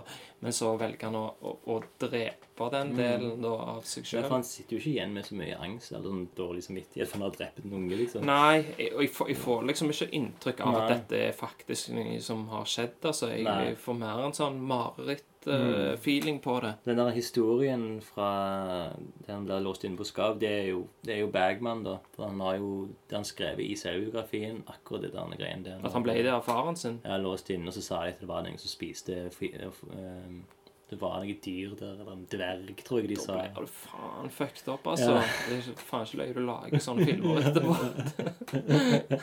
Så det, jeg tror han òg bruker det i den der eh, Fanny Alexander. Å, ja. at men òg det som blir slått. Altså etterpå, når det kommer ut av skapet, så var det liksom bare Hvor mange ganger, hvor mange slag vil du ha? Sånn. Mm, Og det òg er i, i den Fanny Alexander. ja. Og, men det er et par uh, ting òg som var løye. Og, og det er for at han, han biter han jo òg Mm. bak, og det er liksom Jeg tror jeg har lest et plass er en, sånn, en slags vampyrdemon. Ja, for det, det er jo Det går jo, går jo igjen i personer òg, det med Ja. vampyr... Eh, eh, vampyrgreiene. Ja. Så det virker som en sånn ting som man Tenker mye. tenker mye, tenker mye på vampyrer. Den første eh, tittelen på filmen, når han skrev den, var 'Menneskeeterne'. Eller 'Menneskespiserne'. Ah. Og helt til slutten så kaller hun Liv Ullmann altså, Så sier hun et eller annet at, at han, at Johan-karakteren kaller de for Eller bare folka på den festen eller selskapet for menneskeeterne. Mm. Så det er jo litt artig. Og at han liksom eh, Når han skrev filmen, så ble han også innlagt for var sånn enorme influensa eller noe sånt Mm. på sykehus. Mens han var på sykehuset, så skrev han heller personer, liksom. Og så, så la han vekk den her eh, vergetimen og tok den tilbake igjen noen år seinere. OK. Og, men òg gjorde han mye enklere, for den første versjonen var skikkelig komplisert. Og liksom, hadde blitt veldig dyr, jeg tror jeg. Men ja, altså, det er jo det her enorme besattheten han har av hun der Wogler-karakteren. Som alle er egentlig besatt av. Ja. Hva tenker du om det? det Hva tenker jeg om hvem, hvem er hun, Ja, eller hva representerer hun, eller ja, eh, ja. jeg, jeg vet faktisk ikke helt hva jeg eh, fokuserte ikke så mye Nei. på hun. Hun er jo tydeligvis viktig, da. Mm. Har faktisk ikke noe smart å si om hva hun Nei, hvem hun er, Men eller nei, det er jo, han har det jo egentlig veldig godt med den Liv Ullmann-karakteren. Hun er veldig god og trygg og, og flink. Eller så bare kanskje han vil ha noe crazy, liksom. Jeg syns òg det var veldig Det var én ting jeg ofte tenkte på i sånn, ettertid òg, er liksom den der scenen sånn som du, du nevnte med når hun kona i huset viser disse herne mm, merkene. mm. Da har de også, viser de òg et maleri som han har gjort av hun der. Ja, men du får ikke se det. Nei. Nei. Og det, det er liksom Det er jævlig smart å ikke vise liksom det der Å, det er så ufattelig Ja, det er så vakkert det er sånn uforståelig. Ja. Så må jeg sånn Selvfølgelig tar ikke an å filme det, for da ødelegger det alt liksom, Ja. av hva du tenker. Du Ja. tenker jo bare på at det er helt umulig å lage. liksom. Ja, ja, ikke sant. Det, det er en ting òg det hun sier ganske i begynnelsen, og slutten, Julie Wilman. Det hun, hun hadde syntes det var kjekt å leve lenge med han, sånn at de ligna på hverandre og tenkte likt og visste hverandre og ble gamle sammen. Og, Ja, der vet jeg ikke om det er hodet mitt som spiller meg et puss. ja. Men på den en av de siste scenene Mm. med Ullmann, når hun er i en sånn close-up ja. og snakker om dette på ny, det har vært nevnt tidligere i filmen, Mm. da føler jeg at jeg ser deler av Max Ja. von Sydow-Wiener, faktisk. Det var det jeg jo tenkte på, at det faktisk har blitt han. Det Ja. er hun som ser demonene, det er hun som har angsten. og liksom At det blir en sånn liten person Fight Club twist. Ja, ja, ja. liksom. ja, ja, ja. Og du, jeg tror jo at det, det, det at en har sitt personer, spiller òg litt inn på Ja. det. fordi at en har sett det før, når Mm. sånn to ansikter blir til, til ett. da. Når jeg satt og så den, så ble jeg jæklig sånn opphengt i akkurat Jeg Jeg Mm. føler faen akkurat som skinnbeinene forandrer seg i ansiktet på en eller et eller er annet. sånn, så det, jeg vet ikke. Det, det, jeg altså. tror det er skyggene som Mm. forandrer seg, ja, mens hun, de forandrer på lyset mens det er akkurat den scenen der går, eller noe sånt som det. Ja. Jeg har også skrevet at eh, han, det var faktisk en komedie i begynnelsen. OK. Han skrevet en sånn komedie, og liksom det, du klarer ikke å se det nå. Men det han som sier sjøl Oi, der kan jeg jo referere til her. Mm. Men det er et par scener som Bergman ennå eller lo i sånn senere tid av mye. da. Ja, han skrev sånn Jeg syns fremdeles det er morsomt når baronen uten vanskelighet går opp i taket og sier ikke bry dere om dette. Jeg er bare sjalu. Og da er det jo med at han eh, ja, Han, han, er forelsket i henne. Han er vågla Ja, for han, hadde jo, han har jo òg hatt et forhold til henne, forteller Ja. han jo. Mm. Og så er, vet, eller er jo bare helt rart han står liksom i vertikalt på veggen. Liksom. Så- Mm. Det er liksom Ikke bry deg om meg. Ja, ja. Og så skrev han også, jeg blir også litt glad når den gamle damen tar oss i ansiktet og sier at slik hører jeg musikken bedre. og så legger øynene i Ja, ja, ja, ja, ja. Jeg tror han har litt sprø humor, kanskje. det, er- det er jo den der demonen, kvinnedemonen. Mm. Gamle 200-åringen som eh, Ja. liker å høre på musikk uten ansikt og øyne. Ja, jævlig syk film, det der. Det var jo det som var så rart òg når jeg var på kinoen. Da merket jeg det ekstra tydelig òg, liksom. For lyden er jo veldig sånn skarp og skummel, og liksom disse scenene og skyggelegging og alt det si. Og disse gamle damene bare har kost seg med utseendet til Liv Ullmann. Ja, ja, ja. Liv Ullmann, hun er vel litt sånn Hun har fått mye hat fra nordmenn sånn generelt opp gjennom tidene, tror jeg. Hun var liksom Diva, på en måte. Ja, diva, og jeg lurer på om det er litt sånn der jantegreier òg. At hun burde jo være noe som nordmenn var jævlig stolt av, da. Hun er jo det største skuespillernavnet fra Norge eh, noensinne. da, Og sto jo der og leverte eh, Oscaren til Marlon Brando når han ikke dukket opp med Oscaren som han fikk for jeg. Gudfaren. Og så sendte han en eh, indianer opp eh, istedenfor Eller en, det er vel kanskje ikke politisk korrekt indianer lenger, men en Native American som mottok denne. og ja, hun er jo et utrolig stort navn, da. Men det virker som eh, veldig mange nordmenn liksom ikke Ullmann, jeg tror bare vi er noe, eller eh, Jeg vet Jeg ikke. vet, jeg har ikke helt merket den der. For jeg, jeg fått med meg liksom, når hun fyller 60, for eksempel 70-80 Mm. Så er det jo sånne filmfestivaler som har kun viser i Ullmann Ja. og sånne ja. ting, og at hun blir hylla med den, Hun har jo en egen eh, I Trondheim så har hun vel en egen eget rom eller egen eh, del av et eller annet filmmuseum Okay. greier. ja vel. Der hun er liksom sånn Trondheims store datter. lignende. Jeg, kan, hun har helt sikkert òg blitt mye, det. altså. Det, det er sikkert en blanding, altså. Men Ja, men jeg Ja. tror jeg har fått med meg litt i dette, den diva-greiene, liksom. Ja. eh, det, var så, det var en annen ting også med hun som var jævlig jeg holdt på med det her eh, går liksom tilbake igjen i kunstmiljøet i Stavanger. mm, Og finner liksom ut hvem var liksom de som starta kunstmiljøet skikkelig, og sånn som det. mm. Så er det en som heter Hugo Vatn, som har lagd mange sånne skulpturer rundt omkring i byen. Sånn, eh. Han som hun var sammen med? Ja, ja, ja, ja, Ja. ja. Det visste jeg. Det visste du, ja. Eh, Hugo Frank Vatne. Ja, ja, ja. Det, altså, det er liksom Wikipedia på Hugo Vatne, så er det et bilde av han og Liv Ullmann. Ja, jeg har sett det bildet. Eller jeg er ikke sikkert jeg har sett det, men jeg har sett bilder av de to sammen, ja. Ja, Mm. ok, det visste du godt. Jeg vet ikke så jævlig mye mer enn akkurat. Jeg vet ikke så mye om han, egentlig. ok. Men jeg kjente igjen det navnet når du sa det. Ja. Mm. Men var han herifra? Ja, eller om han var herifra, det vet jeg ikke. Men han, han var jo, han og han Kjell Par Iversen, Mm. de hadde liksom atelier sammen sånn i 1958. Og, altså, det var bare noen år siden han døde, liksom. Mm. Men han var ganske så stor eh, kunstner. Men eh, eh, det var en, en siste ting jeg har skrevet ned, da. Mm. For det tenkte jeg òg når jeg så filmen, av alle disse ekstra skuespillerne utenom Max von Sydow og Liv Ullmann. Altså, du, du blir helt Om de òg er demoner, og liksom om alt. For det, det kommer jo sånn halvveis fram at det er jo selvfølgelig det er jo alt. det er jo Mm. Men Liv Ullmann hun forsto ikke om det var Om de var liksom mennesker eller Eller hun visste ikke hvordan skulle oppføre seg rundt dem. For at Bergman sa aldri liksom om disse her var demoner eller Nei. ikke. Og det har han liksom aldri svart på heller, liksom. Nei, det var nok et bra regigrep, tenker jeg. Mm. For at hvis du ser Altså, om alle de er demoner, eller om de ikke er det, det kan en liksom spekulere i, og, men jeg tror ikke nødvendigvis at det er så veldig viktig. Nei. Det som jeg ser, er jo at det, måten de blir presentert på i filmen, er som om de er invaderende. For at du treffer de første gang gjennom et sånn point of view-bilde fra Max von Sydow, der alle går og presenterer seg sjøl. Ja. Og det føles veldig sånn eh, Det, det er veldig konfronterende måte å gjøre det på. Det, det. Du blir satt liksom inn i hans sitt synspunkt, da.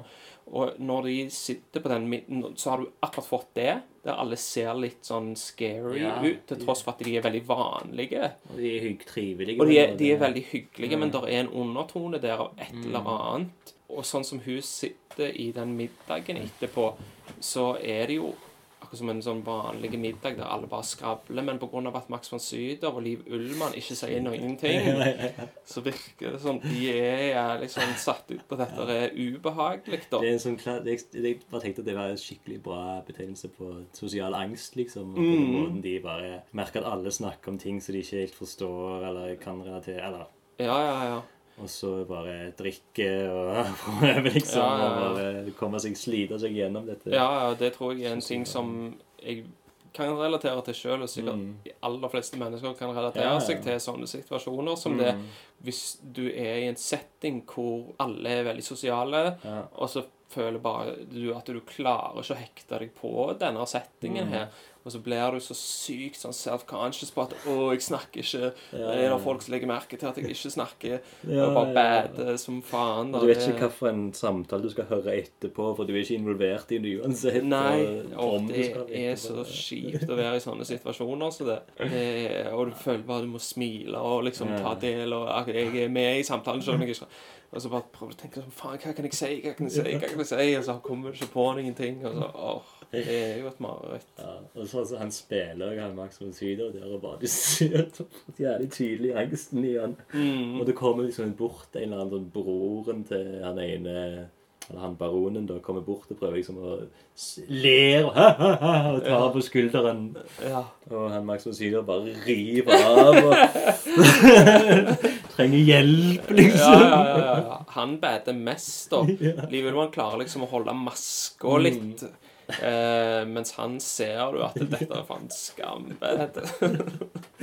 Han spiller jævlig bra. Så Ja. Angstfull, altså. Mm. Og så Max von Sydow som skuespiller, da. Mm. For han har jo spilt i jævlig mye filmer som de hun, Han er, må jo være 100 nå, liksom. Jeg, Ja, han må jo han, Jeg tror han har passert 90, iallfall. Ja, Han ser på en måte iallfall ut som han er noen og 40 Mm. i disse her første filmene. Mm. Og han liksom på en måte allerede begynner å bli litt gammel da, liksom. Ja. Men eh, så ser han i 'Eksorsisten'. Ja. Den òg er jo fra sånn 70-tallet. Tidlig 70, ja. Og der òg er han jo veldig gammel. Mm. Der, men, men i den så er han uh, smink til å være Ja. han er, vet Ja. du. Så der er det jo en liten del av filmen hvor han Du ser han Du ser han som yngre? Nei, du ser han som enda eldre. Sånn er det. Ja. Du ser han som enda eldre, ja. Eh, og så er han jo sminka for å være eldre enn det han er i okay, ho det- hoveddelen når han gjør eksorsismen. ja.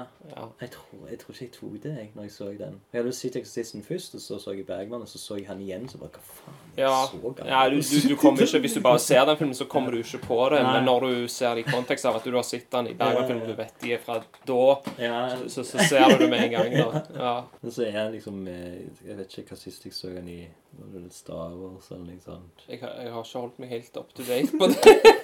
jeg Er med i de nye Star Han er med i en av de som en sånn Jeg ikke hva rolle han er engang. Han er vel en eller annen gammel mann. Men det er liksom dog, Han er jo han er så gammel. Ja. I Minority Report. Det er jo Ja, som, som gammel. Spiller gammel mann. Spiller gammel eh, onde mann. Ja. Det er det, det er fra 2001. ja, Det er mye Hollywood-filmer, da. Han er det. Jo, han er med i den der uh, Shutter Island òg. Som en slags ung Stemmer. professor. eh, Det er vel en av de type. siste tingene jeg har sett han i, Ja. tror jeg. Ja. Og han spiller alltid kult. Han spiller jævlig kult som gammel. Men da er han mer den Han er den gamle, rar fyr, liksom. ja, han blir mye typecasta i Mm. Hollywood. Ja. Ja, han gjør det. Det er jo ganske typisk, det. da. Ja. Mm, Men sånn er jeg veldig variert i disse Bergman-filmene. Mm. 20 innseiler er han ganske ung. Men allikevel så er han jo ja, det er jo Han eldre enn oss, 1957. liksom. Ja. Eller jeg vet jo ikke. Men ja. Jeg vet ikke hva mer jeg skal si om denne filmen her. Jeg, altså. Han er fra 1968, kan vi si. Ja, så da er han jo 11 Men- år eldre enn i det syvende innseilet, da. Ja. Så du ser jo det. Mm. Hvis vi skal gjøre det sånn Prøve å få det inn på sånn så Funny How Nå, han- nå valgte Er han, er han made? Ja, jeg, jeg tenkte liksom om vi kunne liksom Ja. ha han på topp fem-lista av Bergman-filmer, og det er jo det er jo selvsagt. Ja, for meg er det det. Ja, det er jo det. Men Ja. jeg lurer på om Jeg tror kanskje den havner litt akkurat på nummer seks. Liksom. Oh, ja, OK. For jeg er jævlig glad i de der eh, den triologien. Uh, Iallfall uh, den nattverdsgjestene. Den ja, den. ja. ja. Ja. Og den eh, tystnaden. Mm. De sånn Tystnaden ja, den, den var jævlig tust òg, den.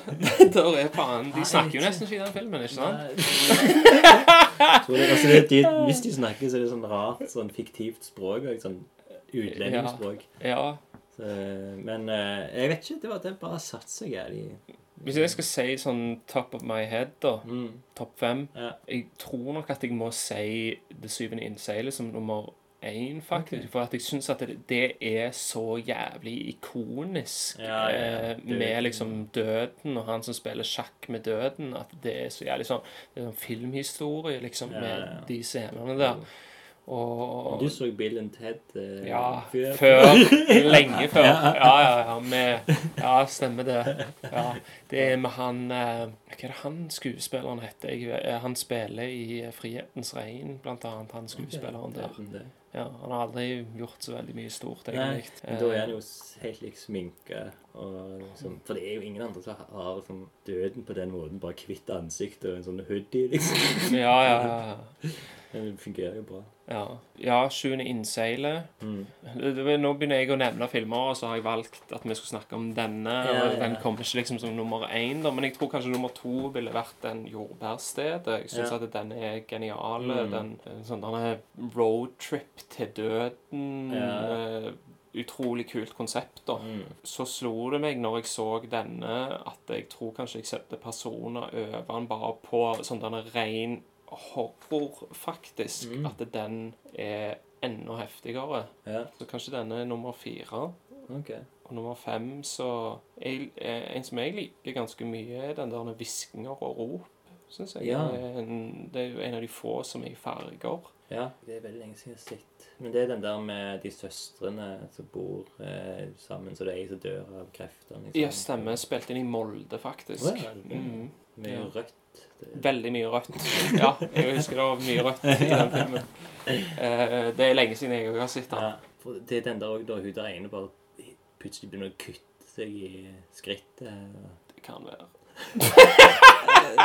det gjorde ikke så Eller er det nei, kan, det kan være den For jeg blander den litt med den der når eh, mor datter Liv Ullmann og hun der eh, Ingrid Bergman spiller Hva faen heter den igjen? Den har sånn, liksom, lignende tittel. Mm, jeg har sett den. Jeg, Ja. jeg, jeg vet hva du mener. Ja. Uh, men jeg tar det ikke, tar det ikke igjen. 'Jomfrukilden' er jo òg en uh, god film. ja. Den er jo veldig annerledes enn de Mm. alle andre. Den er jo Ja. sånn, eh, sånn eventyr eh, Eller folkeeventyr, på en måte. Ja, han er så. Han Mm. er så. Det, det er lenge siden jeg har sett den, men Ja. jeg, det var en av de tidlige som jeg så da. Det var- husker jeg som en, en av de Ja. gode, da. Det er òg en sånn ting liksom, For at hvis du bare sitter i én gang For eksempel, jeg har sett i 'Klovnens nærvær', som er på den norske tittelen. Hva er det den heter på engelsk, eller på Svensk Det la- larmer, larmer og gjør til seg, heter den på Å ja, OK. Man har jo en som er sånn fra et sirkus. Ja, det er den der en tinsel Ja, ja. Eller Jyklernes aften. Jyklernes aften. Mm. Ja. Ja, den, den tror jeg den har jeg bare sett én gang, og den har liksom ikke helt følt å se for en gang til. Men iallfall den i 'Klovnens nærvær', da, som er en sånn litt nyere film som jeg tror kommer sånn rett til TV, liksom. Mm. Den syns jeg var jævlig bra. Men jeg vet liksom ikke om den er sånn som jeg kan legge opp på en sånn topp fem.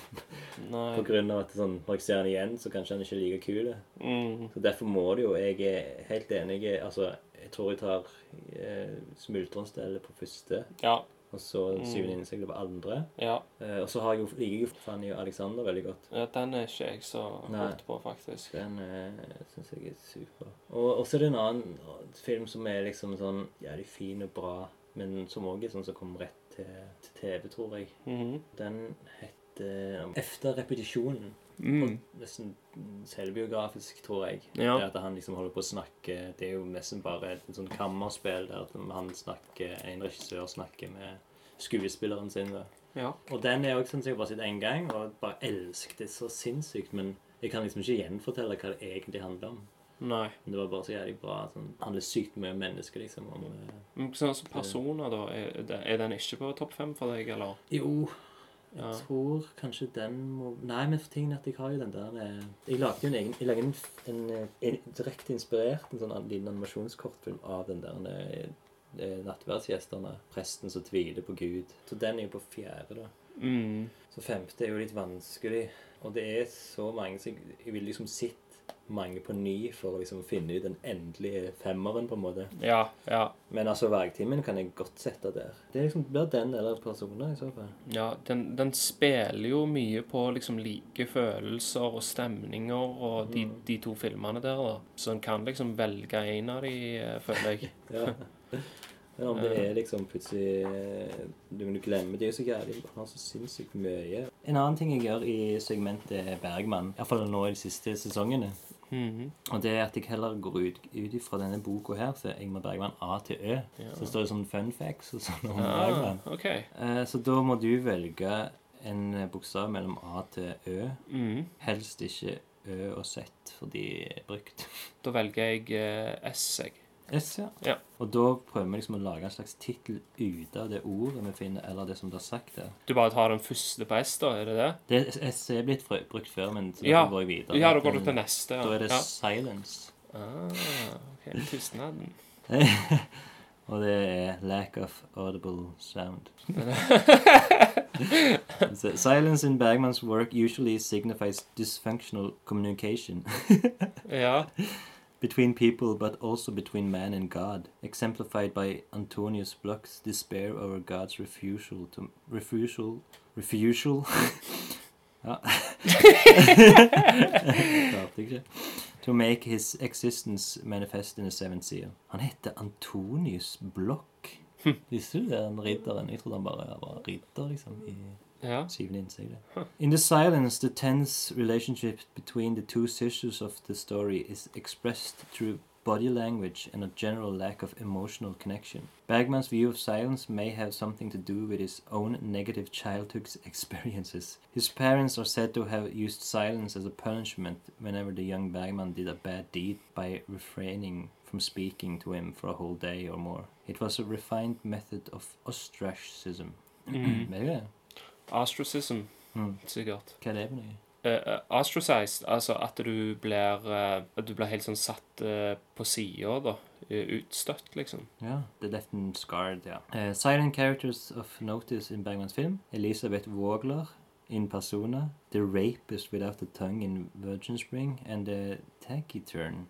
Jonas Persson in Vinterregn. Tacky Turn. Det vet ikke jeg hva Nei, betyr. ikke jeg. Men det tror jeg det er han som tar eh, livet av seg, kanskje. Men det løy jeg med Vågler, da.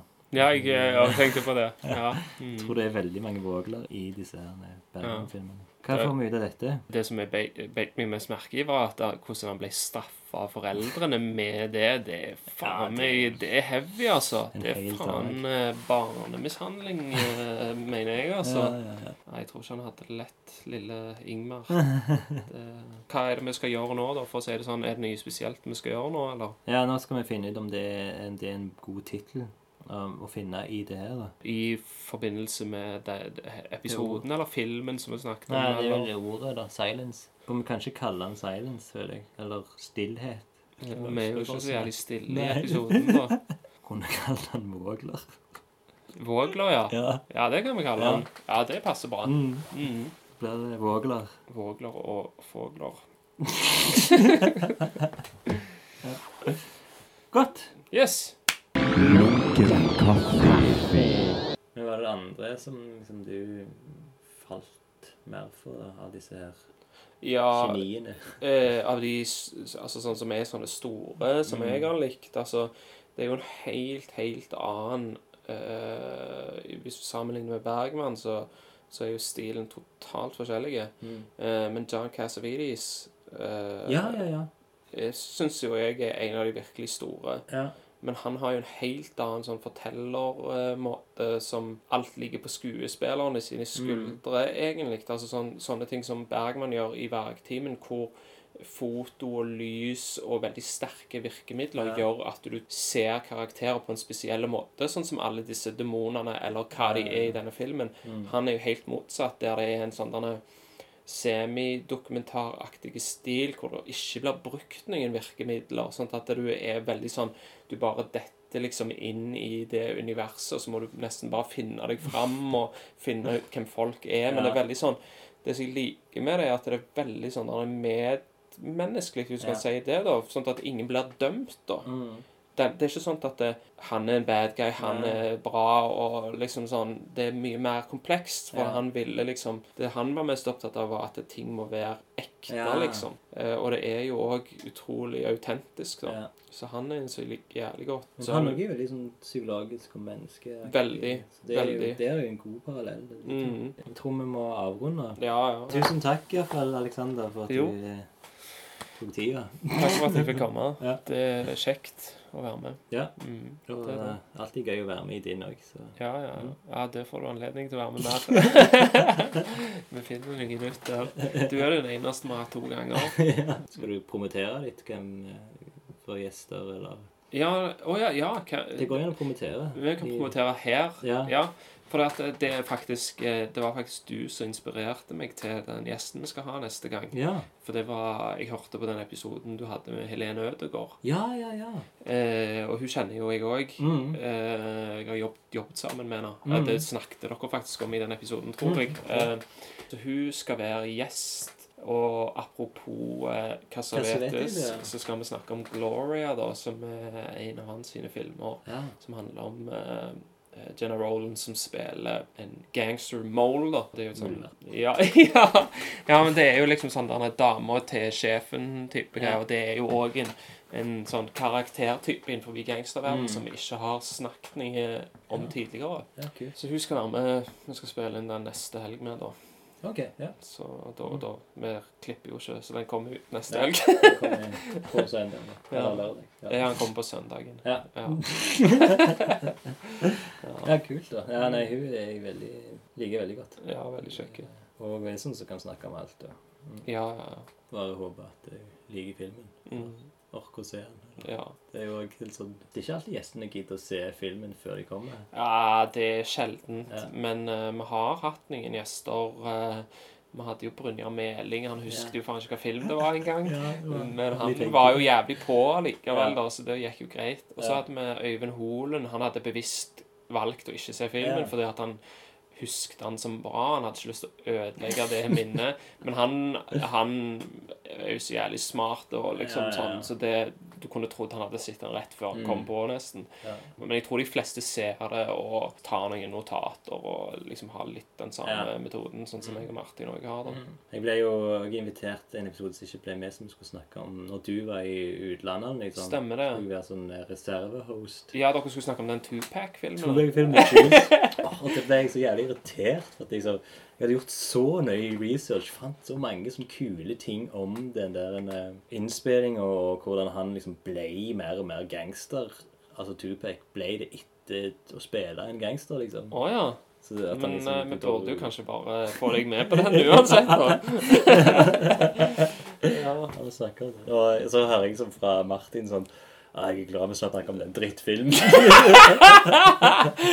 og det er jo ofte sånn òg at det er, det er mye drittfilm. Ja, ja. Det, det verste er for meg er når jeg ser en film, og så, og så føler jeg bare sånn med, hva faen skal jeg si om denne filmen her? liksom? Jeg driter i denne filmen fullstendig, Mm. liksom. Og så må du liksom må du bare Du må få et eller annet ut da, liksom. Det, det, det er kjipt. Ja, det er alltid kjekt å høre på. Og Ja, det takk igjen. Likeså. Kjekt å høre på denne òg. Kaffe. Kaffe, ja.